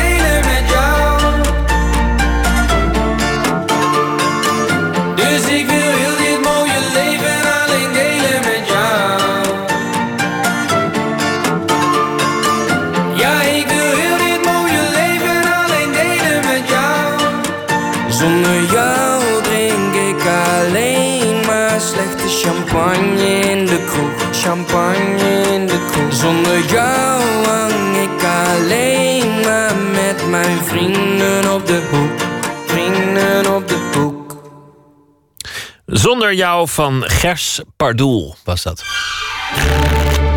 Open kaart. En hier eh, zit hij, Gers Pardoel. Hij is eh, rapper en zanger. En u hoorde net ook het, eh, het nummer, de, de nieuwe single van, eh, van Gers Pardoel. Zonder jou. Welkom, eh, Gers. Dankjewel. Je gaat op tournee vanaf zaterdag. Een, een tournee langs discotheken. Niet meer de clubs, niet meer de festivals, maar dit keer gewoon eh, de dansgelegenheden. Dat is eigenlijk Ja, waar ik- je begonnen bent. Ja, dat is een beetje waar, waar het, waar het eh, is begonnen. En ik had zoiets van, ja, daar staan we eigenlijk helemaal niet meer. En laten we kijken of dat we dan, eh, of dat, dat we er weer een aantal kunnen doen. Dus we- het is maar, ja, we doen er vijf. Maar het is gewoon leuk om daar weer te komen. En misschien doen we er wel meer. Kan zijn dat, dat we in februari ook nog een aantal gaan doen. Maar we beginnen aanstaande zaterdag in Club EXO in België uit mijn hoofd. Dus ik ben wel benieuwd hoe dat er dan weer aan toe gaat, ja. ja. Hoe is dat eh, anders in de regel, optreden in een, in een club of in een discotheek? Wat, wat maakt het voor jou voor verschil? Eh, ja, in een discotheek is het, eh, is het wel, wel wat korter. En, en de hitsingles, die speel je dan daar. En, en in een club, de tour, dan speel je veel langer. En veel, ehm, eh, veel meer variatie in de muziek die wij spelen. Dat is meer een concert en, en nu is het gewoon een, ja. Ben je een feestnummer eigenlijk. Ja, ja precies. Ja. Maar ik, vind, wel- eh, ik, ik, ik ben benieuwd. Ik eh, heb het al lang niet echt meegemaakt. En ik had er gewoon zin in. was ook mijn eigen idee. Ik zei van ja, deze single is best wel... eh, ja, eh, live merk ik gewoon dat hij het wel, eh, wel lekker doet. Dus eh, ik had zoiets van ja, laten we hem gewoon live naar de discotheken brengen. Dus dat eh, doen we. Hoe is het begonnen? Je, je, hebt, je hebt veel hits gehad, je hebt veel verkocht, je hebt eh, eh, prijzen gewonnen. Maar hoe begon eigenlijk jouw, jouw gang de muziek in? Eh, nou, ik eh, ja, eh, denk ongeveer 14 jaar geleden begon ik met schrijven in ieder geval. En dat ging eerst, er waren heel gevoelige liedjes en, en dat ging steeds. ehm, en dat ging eigenlijk op een gegeven moment ging dan naar een hele stoere kant toe. En dan, ja, je vindt op een gegeven moment vind je zeg maar de weg naar je karakter overbrengen in de muziek, zeg maar. Dat, en dat deed ik van, eh, ja, vanaf eh, ja, zes jaar later ongeveer. Maar hoe begon het, eh, het schrijven van liedjes? Wa- Was, ja, het, was het op je jongenskamer of, of in, in wat voor omgeving be- begon het en, en waar kwam het vandaan? Ja, ik sliep op zolder. En ja, daar, daar downloadde ik volgens mij toen nog via Napster beats. En ik kon alleen maar dezelfde beats vinden. En daarop ging ik dan schrijven. En dat kon ik niet eens echt opnemen thuis. Want ik had geen... Nu zou je dat op je telefoon kunnen doen. Maar ja, toen had ik niet eens een telefoon waar je dat op, op kan nemen. Dus ik kon het alleen schrijven. En dan moest ik wel voor zorgen dat ik dat goed kon onthouden. En Hoe, hoe ik dat dan rapte. Ja, dat, ja, dat ging best wel moeilijk. Maar zo begon het een beetje. Was het een, was een uitweg? Want, want ik, ik weet iets over, over jouw verleden. Dat, dat eh, jouw moeder is jong overleden toen, toen jij Ja. 17 was. Ja. En eh, met je vader had je soms een wat moeilijke band. Wa- Was het, was het een uitweg dat je, dat je raps ging schrijven en liedjes ging maken? Ja, het was mijn enorme uitlaatklep om mijn gevoel en emoties te kunnen uiten. Eh, en ja, eigenlijk alles wat me misschien zelfs ook dwars zat. En onbegrip. En, en, ja, dus ik heb, daar, ik heb er heel veel aan gehad. Aan het uiten van mijn eh, emoties. Ja. Het wonderlijke van de geschiedenis van de rap is... het is begonnen in, in, in de, de achterbuurten van New York. Ja. En, en een, een vrij agressief genre was het, was het al snel. En toen kwam de tijd van Wu-Tang Clan en van de, van de gangster rap. Ja. En, en nu zijn we uitgekomen bij wat jij doet. Je hebt er Ja. wel naar geluisterd, maar, maar het is aanzienlijk liefelijker. Mm, het Er wordt, moment dat niemand, er wordt niemand vermoord in ieder geval. Nog niet. Nee, er wordt niemand. Nee, nee eh, nou, ik heb daar dus wel naar geluisterd. Ik heb ook naar Wu-Tang geluisterd. En, en eh, Underground eh, eh, groep eh, Dilated Peoples eh, vond, ik helemaal geweldig. eh. Ehm, maar ik vind het gewoon belangrijk om te rappen van wie ik ben en waar ik vandaan kom. En ik kom niet uit de Bronx. En ik kom uit eh, Nijmegen en Kaatsheuvel. En toen woonde ik in Rotterdam. En dat heeft zeg maar mijn leven gemaakt. En dat heeft mij eh, gevormd. En eh, ik heb wel raps geschreven en tracks gemaakt die wel heel stoer waren. Alleen op een gegeven moment word je wat volwassener en vind je het misschien niet stoer om stoer te rappen. Hoeft het niet meer? Heb je, heb je dat niet meer altijd. nodig? Nee. Nou, ik, ik, heb, ik heb wel tracks thuis. Mm, soms wil je wel eh, stoer doen. Ik denk dat dat een beetje iets. Niet, niet alle mannen hoeven dat of zo, maar ik denk dat we wel iets in ons hebben. Je soms wil je wel stoer doen of, of, of, of pronken met iets. Of dat je trots bent op iets. En ik vind het wel tof dat dat dan terugkomt in de, in de muziek. Alleen het hoeft niet de hele tijd daarover te gaan. Het- hoeft niet de hele tijd te zijn van, yo, ik ben de shit. En eh, weet je, dat hoeft niet. Die, die attitude lijkt je helemaal niet te hebben. Dat, dat, vind- dat vind ik wel grappig, omdat, omdat je het volgens vele maatstaven natuurlijk gemaakt hebt. Je, je hebt platina platen, eh Edisons, eh, nummer 1 hits. Mhm. Je, je speelt met grote artiesten. Dus juist in de rap zou je dan hier binnen moeten komen met 18 gouden kettingen en, eh, en, en, en de autosleutel van je sportwagen zichtbaar. Ja, dat. Ja, moet- maar misschien is, dat ook wel, misschien is dat ook wel een beetje het nuchter of zo. een Brabantse nuchter of zo, wat, wat ik heb. Wat heeft het veranderd? Mm, eh, bijna succes? alles. Ja? Ja, wel bijna alles. Ja. Vooral de bekendheid. eh, dat, dat verandert gewoon heel veel in je leven. En, eh, en, en, en wel op een positieve manier. En, en, ja, wat heeft het allemaal veranderd? Het heeft heel mijn leven, zeg maar, echt totaal omgegooid van... ik woonde in Rotterdam op een, een appartement. Ehm, mijn eentje. En eh, wel, gelukkig dat ik muziek kon maken. En, en ook ongelukkig tegelijkertijd met, met eh, de financiële situatie. En, en, nu heb ik eh, een eigen studio sinds kort ook. Waar ik gewoon mijn muziek kan opnemen en, en muziek kan produceren. En, het, en ik heb inmiddels twee kinderen. En ik denk dat ik, ik. Dat is wel een bewuste keuze ook geweest dat wij kinderen wilden. Doordat je op een gegeven moment ook de financiële middelen hebt. En eh, ja, dat is wel allemaal veranderd. Maar ik ben niet. Ik ben niet veranderd. Dus dat is, soms is niet. dat wel moeilijk. Ja, ik ben niet veranderd. Als ik mijn. eh, de muziek die ik maak is eigenlijk. Dat is gewoon de muziek die ik eigenlijk altijd eh, maakte. En dat gaat een beetje die kant op, een beetje links en een beetje rechts om. Maar dat is nog steeds met dezelfde insteek. Gewoon echte muziek, echte verhalen. En ik zoek gewoon de hele tijd naar andere verhalen. Ja. Zou je ehm, een kaart willen trekken? Want Ja. eh, de, het werkt als volgt. Jij trekt een kaart, daarop staat een, een vraag. En eh, dan is eh, het helemaal leuk als je die vraag daarna ook meteen beantwoordt. Oh ja. Ik hoop dat ik de goede pak. Voor welk werk schaam je je? Ik schaam mij voor geen enkel werk. Niks wat je hebt gedaan, niet een liedje dat ertussen zit... of, of, of, een, of, een, of een, een van je eerste dingen die je hebt gen- opgenomen... of je, of je debuut. Ik ben zo kieskeurig geweest met wat er, eh, wat er zeg maar naar buiten kwam. Er is vast werk waar ik mij trouwens wel voor schaam. Maar dat is niet naar buiten gekomen. Dat, dat staat misschien op mijn oude computer. En ik hoop niet dat dat dan ooit dan naar buiten komt na mijn dood. Maar je bent altijd zorgvuldig met wa- wat je uitbrengt. Ik was- Je, je let daarop. Ja, vanaf het begin af aan hield ik altijd mijn tracks ook op mijn eigen computer. Ik stuurde ook nooit zomaar een vriend van mij... eh, Yo, eh, luister hier even naar of zo. Wat vind je hiervan? Nee, altijd oppassen. Ja, ik, ik heb alleen mijn, eh, mijn oude platenbaas tracks gestuurd. En ja, misschien zitten daar wel dingen tussen. Ik denk van ja, die hoeven niet per se uit te komen. Maar ik, ik schaam me. Nee ik, ik heb, nee, ik schaam me daar niet voor of zo. Omdat ik denk dat namelijk alles wat uitkomt. en alle tracks die ik heb eh, geschreven.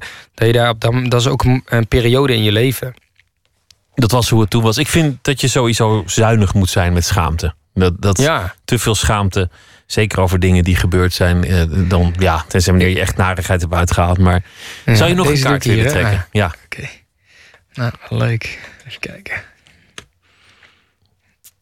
Bij wie ben je in de leer geweest?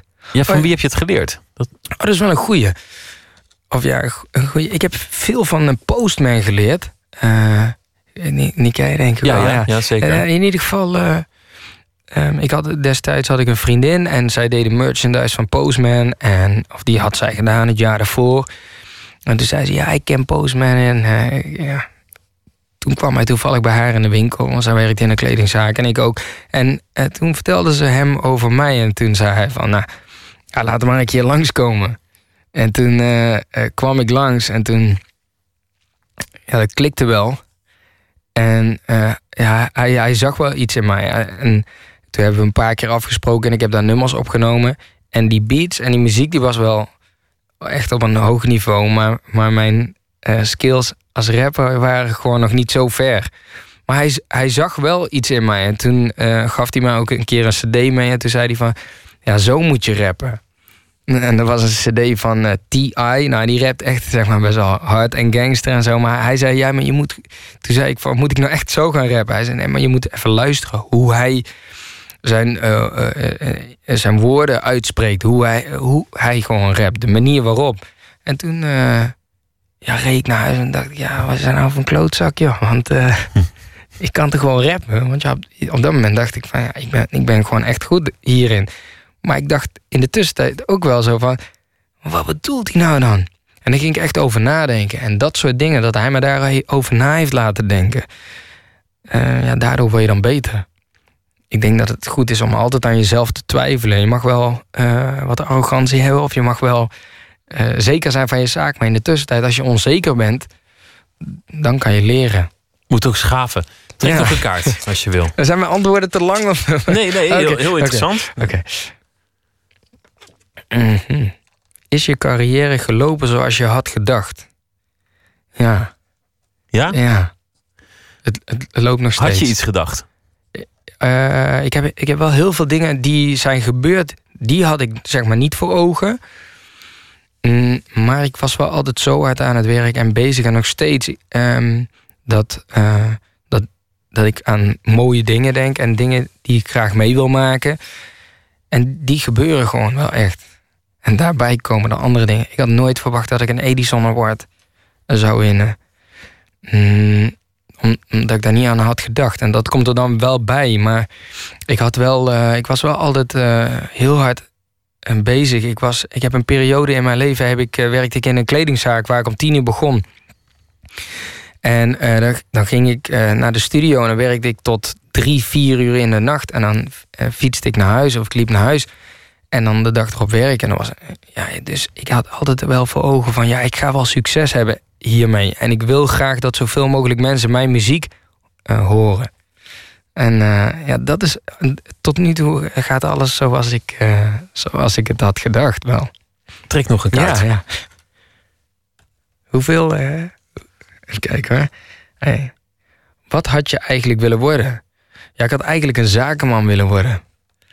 Of ja, dat was, ik zag mezelf. Misschien ben je dat ook wel een beetje. Want, want het is toch ook deel van het muzikant zijn dat, dat, je, dat je zakelijk bent. Anders zul je nooit een cent verdienen. Ja, precies. Dus dat, dat komt er wel. eh, ja, dat, dat komt er dan wel, wel bij kijken. Maar En wat voor ik- zaken had je dan willen doen? Waar dacht je aan? Nou, nee, ik zag mezelf zeg maar eh, in een netpak met een koffertje naar mijn werk toe gaan. Maar misschien was dat omdat ik dat ooit bij mijn vader zag. En ik vond het gewoon echt heel stijlvol eruit zien. Ik vond het gewoon tof. Terwijl ik nu eh, zie je mij niet in een pak, tenzij het een gala is. Maar Het zou je wel staan, denk ik. ja, ik denk, denk het ook Op wel. een ja. dag ga je pakken dragen. Trek nog een Ja. kaart. Wat waardeer je in je vrienden? Eh, eerlijkheid en oprechtheid, ja. Omdat, omdat ik denk dat eh, eh, je vrienden... Ja, ik vind dat het allerbelangrijkste. Heb je nog dezelfde vrienden als eh, tien jaar geleden? Ja, er er zijn wat mensen afgevallen... die dan geen vriend bleken te zijn, denk ik. Of misschien dat dat gewoon gebeurt. En er zijn eigenlijk niet echt nieuwe vrienden bijgekomen. Ehm, eigenlijk kende ik iedereen waarmee ik nu omga, die ken ik toen ook al. Er zijn wel vrienden natuurlijk bijgekomen in de, in de muziekindustrie, waar ik het heel goed mee kan vinden. Maar eh, ik, ik waardeer gewoon eerlijkheid, eh, dat vind ik het allerbelangrijkste. Als ik, eh, ik vind dat, hoe moet ik dat zeggen? Ehm, als ik vraag van, ja, bij wijze van spreken, ja, wat vind je van dit liedje? Eh, dan kan diegene zeggen, ja, ja, tof. Maar als je het niet tof vindt, dan kan je beter zeggen van, ja, ik vind het niet tof, want dat of dat. En ook, eh, ik kreeg laatst een bericht van een vriend van mij en die, die, stuurde, mij, zeg, die stuurde mij zeg maar echt een heel oprecht verhaal ineens. En toen dacht ik van, wow, je had me dit eigenlijk niet eens hoeven sturen.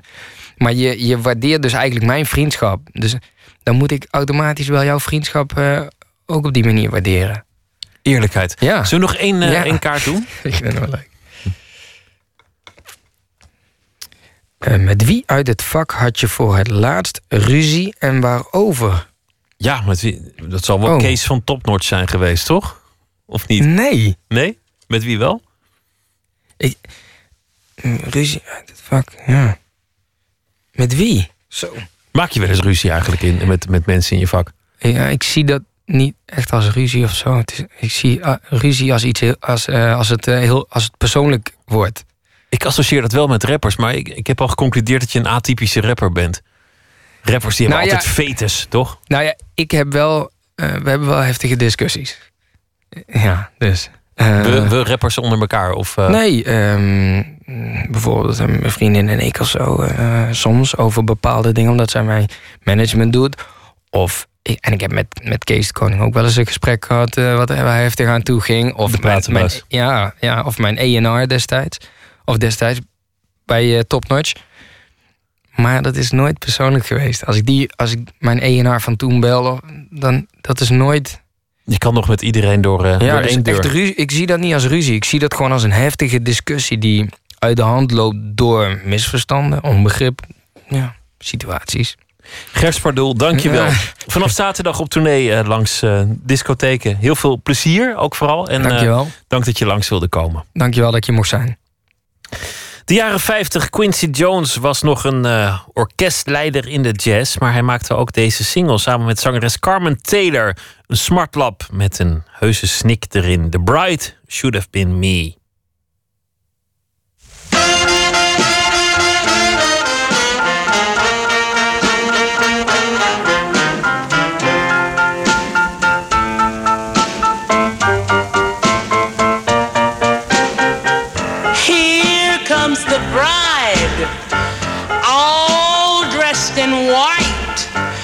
Walking down the aisles to greet her lover's side. Yes, the tears are falling, voices talking, and hearts are filled with glee. But I cry because the bride should have been me. There stands the groom,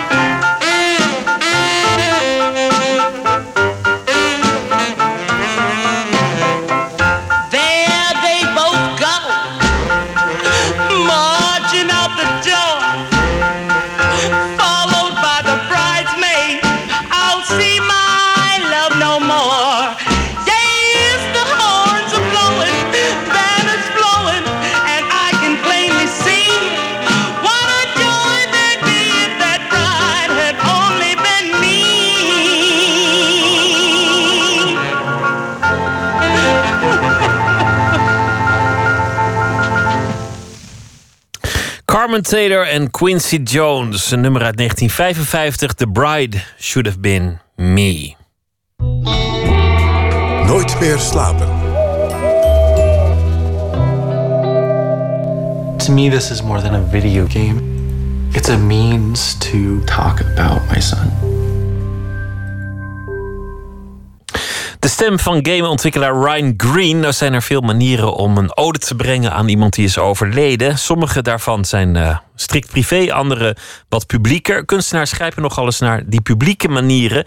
De een maakt een album, uh, achteraf over ziekte, afscheid of de dood. Een ander een uh, film of een boek. Maar in dit geval was het dus een game die beeldend kunstenaar Ryan Green heeft gemaakt. Dead Dragon Cancer over zijn zoontje die het gevecht tegen kanker verloor. Nachtcorrespondent Tom Klaassen, welkom. Dank je. Indrukwekkend, een, een computerspel maken over, over de dood van je, van je kind. Ja, heel erg. Ik, eh, de, ik zag hem niet aankomen, maar ik was uh, vandaag vanavond eigenlijk op bezoek bij uh, de Rotterdamse gamejournalist Sander van Dalsem. En hij heeft het spel laten zien. Een paar dagen geleden is het uitgebracht en het doet echt wel flink stof opwaaien in de gamewereld en ook daarbuiten. Positief en negatief, dat zal ik zo even toelichten. Maar die Green die brengt in ieder geval een klassieke ode aan zijn zoontje Joel, die op éénjarige leeftijd ernstig ziek werd en op vijfjarige leeftijd stierf aan een hersentumor. En het is dus zijn manier om dat kind voor te laten leven terwijl die overleden is. Nou, dat is natuurlijk een loodzwaar onderwerp. En ik las dat stuk van Sander van Dalsem hierover op de site Motherboard. En daarin noemt hij het spel een van de meest emotionele games ooit gemaakt. En daar ben ik het eigenlijk wel mee eens. Hoe gaat het spel? Uh, wie ben jij? Je hebt, je hebt een, joystick of je zit achter je computer. Wat moet je doen? Ja, jij bent uh, uh, van alles en nog wat. Je bent overwegend Ryan, maar je bent af en toe ook een eend. Of je bent de moeder van Joel. En je ziet mensen, althans als personages herkenbaar. En ze zijn abstract vormgegeven in de polygonen. Wat het was, weet ik niet. Of wist ik niet, maar dat zijn veel hoeken waaruit figuren in games opgebouwd zijn.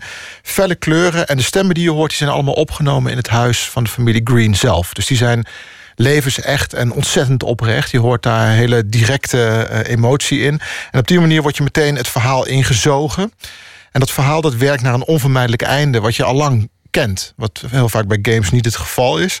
En dat gaat aan de hand van een zogenaamde point-and-click adventure. En dat kan je eigenlijk het beste vergelijken met Google Street View. Dat kennen we allemaal.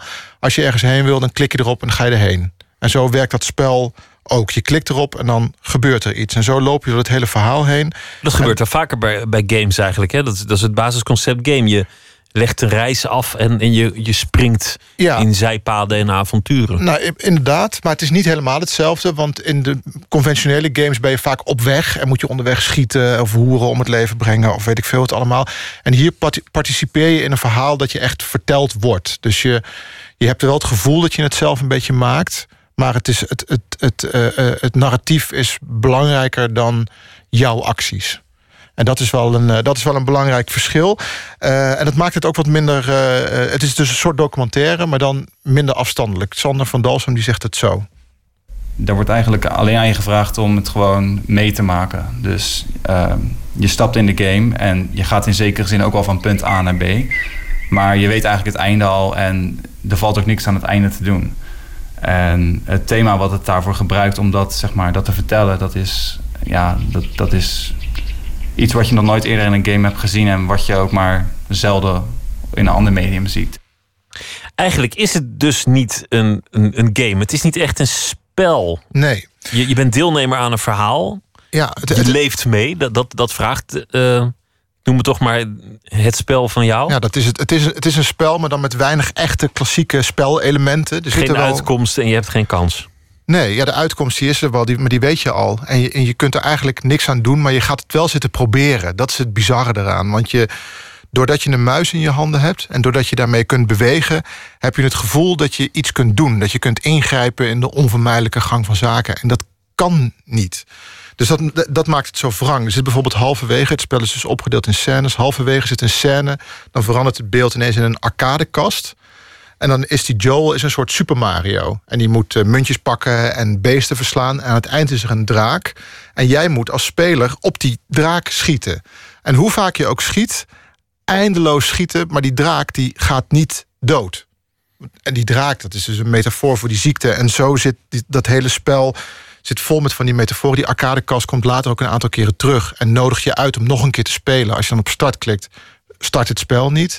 Want het spelen, dat heeft geen, heeft geen zin meer. Want het jongetje gaat dood. En Kortom, er is dus niks wat je kunt doen. De frustratie van een, van een vader omgezet in, in, een, in een spel... Ja. als een, als een hommage, zou je het kunnen zien, maar ook als een, een, een roep om medeleven van dit is wat je meemaakt als als je je kind verliest. Ja, ja, daar komt het inderdaad wel, eh, wel een beetje op neer. En de, Sander die vertelde me dat hij een jaar geleden zelf eh, zijn vader aan kanker is verloren. En dat hij daardoor ook af en toe echt moest ophouden met spelen, omdat het te dichtbij kwam. Want hij heeft zo'n, nou het is niet nooit vergelijkbaar natuurlijk, maar hij heeft zo'n soort verlies ook meegemaakt.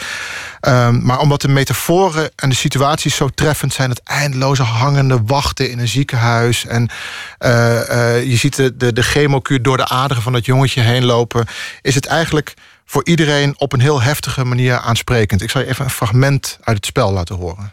Nou, hier zie je Joel die, die nog vrolijk is. Die heeft helemaal geen idee van wat hem te wachten staat. Ehm, en nu kan je met hem spelen met een soort apparaatje waar dierengeluiden uitkomen. Farmer Bill makes the pigs bacon for breakfast. Ja, en dan hoor je hem dus ook, ook ja, lachen en giechelen. En dat maakt zeg maar hetgene wat komen gaat, maakt dat nog zoveel zwaarder.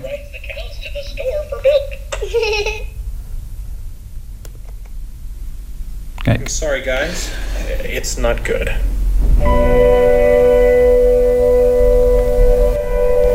Ja, en de manier hoe Joel dan daar op de bank zit. eh, voor mij heeft hij wel het gevoel dat, dat er iets aan de hand is, maar ja, weet hij veel verder wat er is.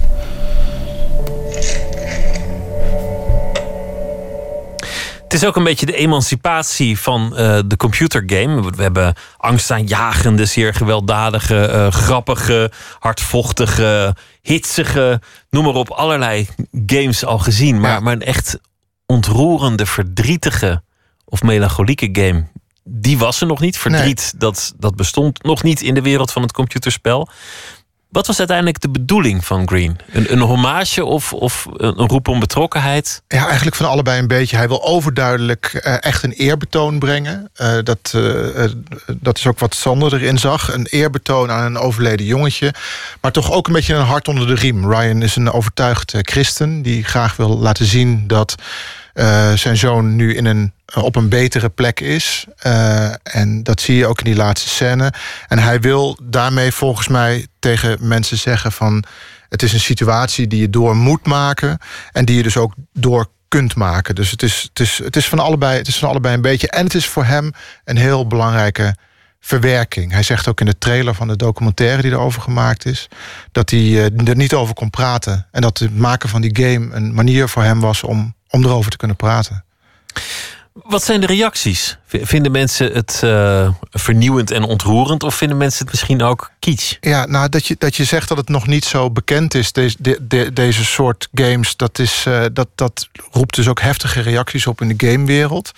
Ehm, zoals zo vaak eh, op internet eh, wemelt het van de ongelooflijk deprimerende reacties van mensen die zeggen: En ik heb godverdomme een tientje betaald en het hele verhaal duurt maar twee uur. En wat moet ik nou met een game eh, waar ik in twee uur mee klaar ben? Terwijl een film duurt ook twee uur. Je betaalt ook een tientje. En dan heb je ook een rond verhaal. Dus misschien moet je het zo zien. En wat heel veel mensen zeggen is dat Green geld probeert te verdienen over de rug van zijn dode kind. En daarvoor geldt eigenlijk zo'nzelfde argument. In andere kunsten mag je kennelijk wel de doden eren en is dat niet kitscherig. Ja, en in hoewel- games mag dat blijkbaar niet.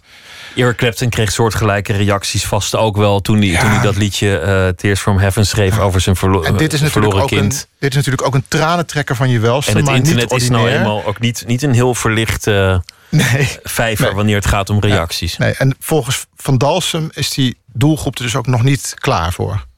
Het, medium game is zeker daarvoor geschikt. Ehm, maar of de doelgroep eh, er geschikt voor is, dat is het meer de vraag. En ik denk dat dat gewoon wat jaren gaat nodig hebben voordat, het zulk, voordat dat geaccepteerd wordt dat er ook zulke games bestaan. Want nu zijn mensen vooral gewend aan ehm, een game over een oorlogsgebied waarin je zoveel mogelijk mensen moet afmaken. Of een, of een spelletje voetballen, een potje racen, eh, noem maar op. En dat er ook iets bestaat als eh, games waarin kanker de hoofdrol speelt. En wat gewoon per definitie een slecht einde heeft. Ja, dat, dat kost gewoon jaren om, voordat dat geaccepteerd wordt.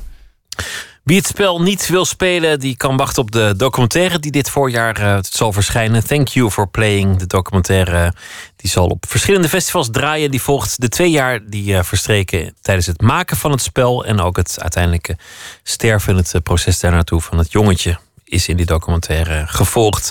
Tom Klaassen, dank je wel. We eindigen met Joost Baars. Hij is eh, dichter, essayist en eh, boekverkoper. Deze week zal hij elke nacht een gedicht voordragen. Een van zijn favorieten. En deze nacht heeft hij gekozen voor een gedicht van Morani Kornberg.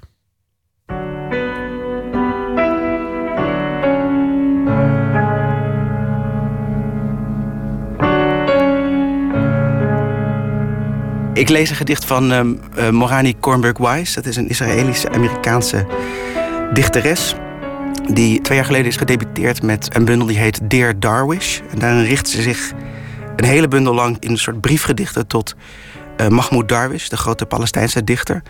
En dat betekent in haar geval vooral dat ze zich richt tegen iemand van wie haar eigen omgeving vindt dat het uh, haar vijand moet zijn.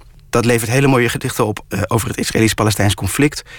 Het gedicht dat ik lees gaat daar niet heel direct over. Dat is eigenlijk meer een soort algemene weergave van wat het betekent om je in te leven in, in je vijand. Om te proberen om een verbinding te maken met diegene die jij je vijand noemt. En diegene die jou ook jou, uh, zijn vijand noemt. Het heeft geen titel. Wacht. Even. Leg dit niet weg. Alsjeblieft. Ik weet het. Het is pijnlijk. Het doet pijn. Ik weet het. Echt, ik weet het. Je wilt het niet horen. Niet, nee. Ik wil het niet zeggen. Niet, nee. Echt niet. Nee. Nee. Het doet pijn. Het doet echt pijn. Het is moeilijk. Je wilt het niet horen. Dus laten we langzaam gaan. Laten we heel langzaam gaan. Echt langzaam. Laten we proberen te begrijpen. Laten we beginnen. Hier is een beginnen. Ik wil dat jij begint. Aanvaard dit beginnen. Ik wil echt dat jij begint. Laten we samen beginnen. Ik weet dat je het niet wilt horen. Ik ga nu. Ik zie je. Je bent hier. Laten we beginnen. Het is goed. Ik ben ook bang. Ja, echt.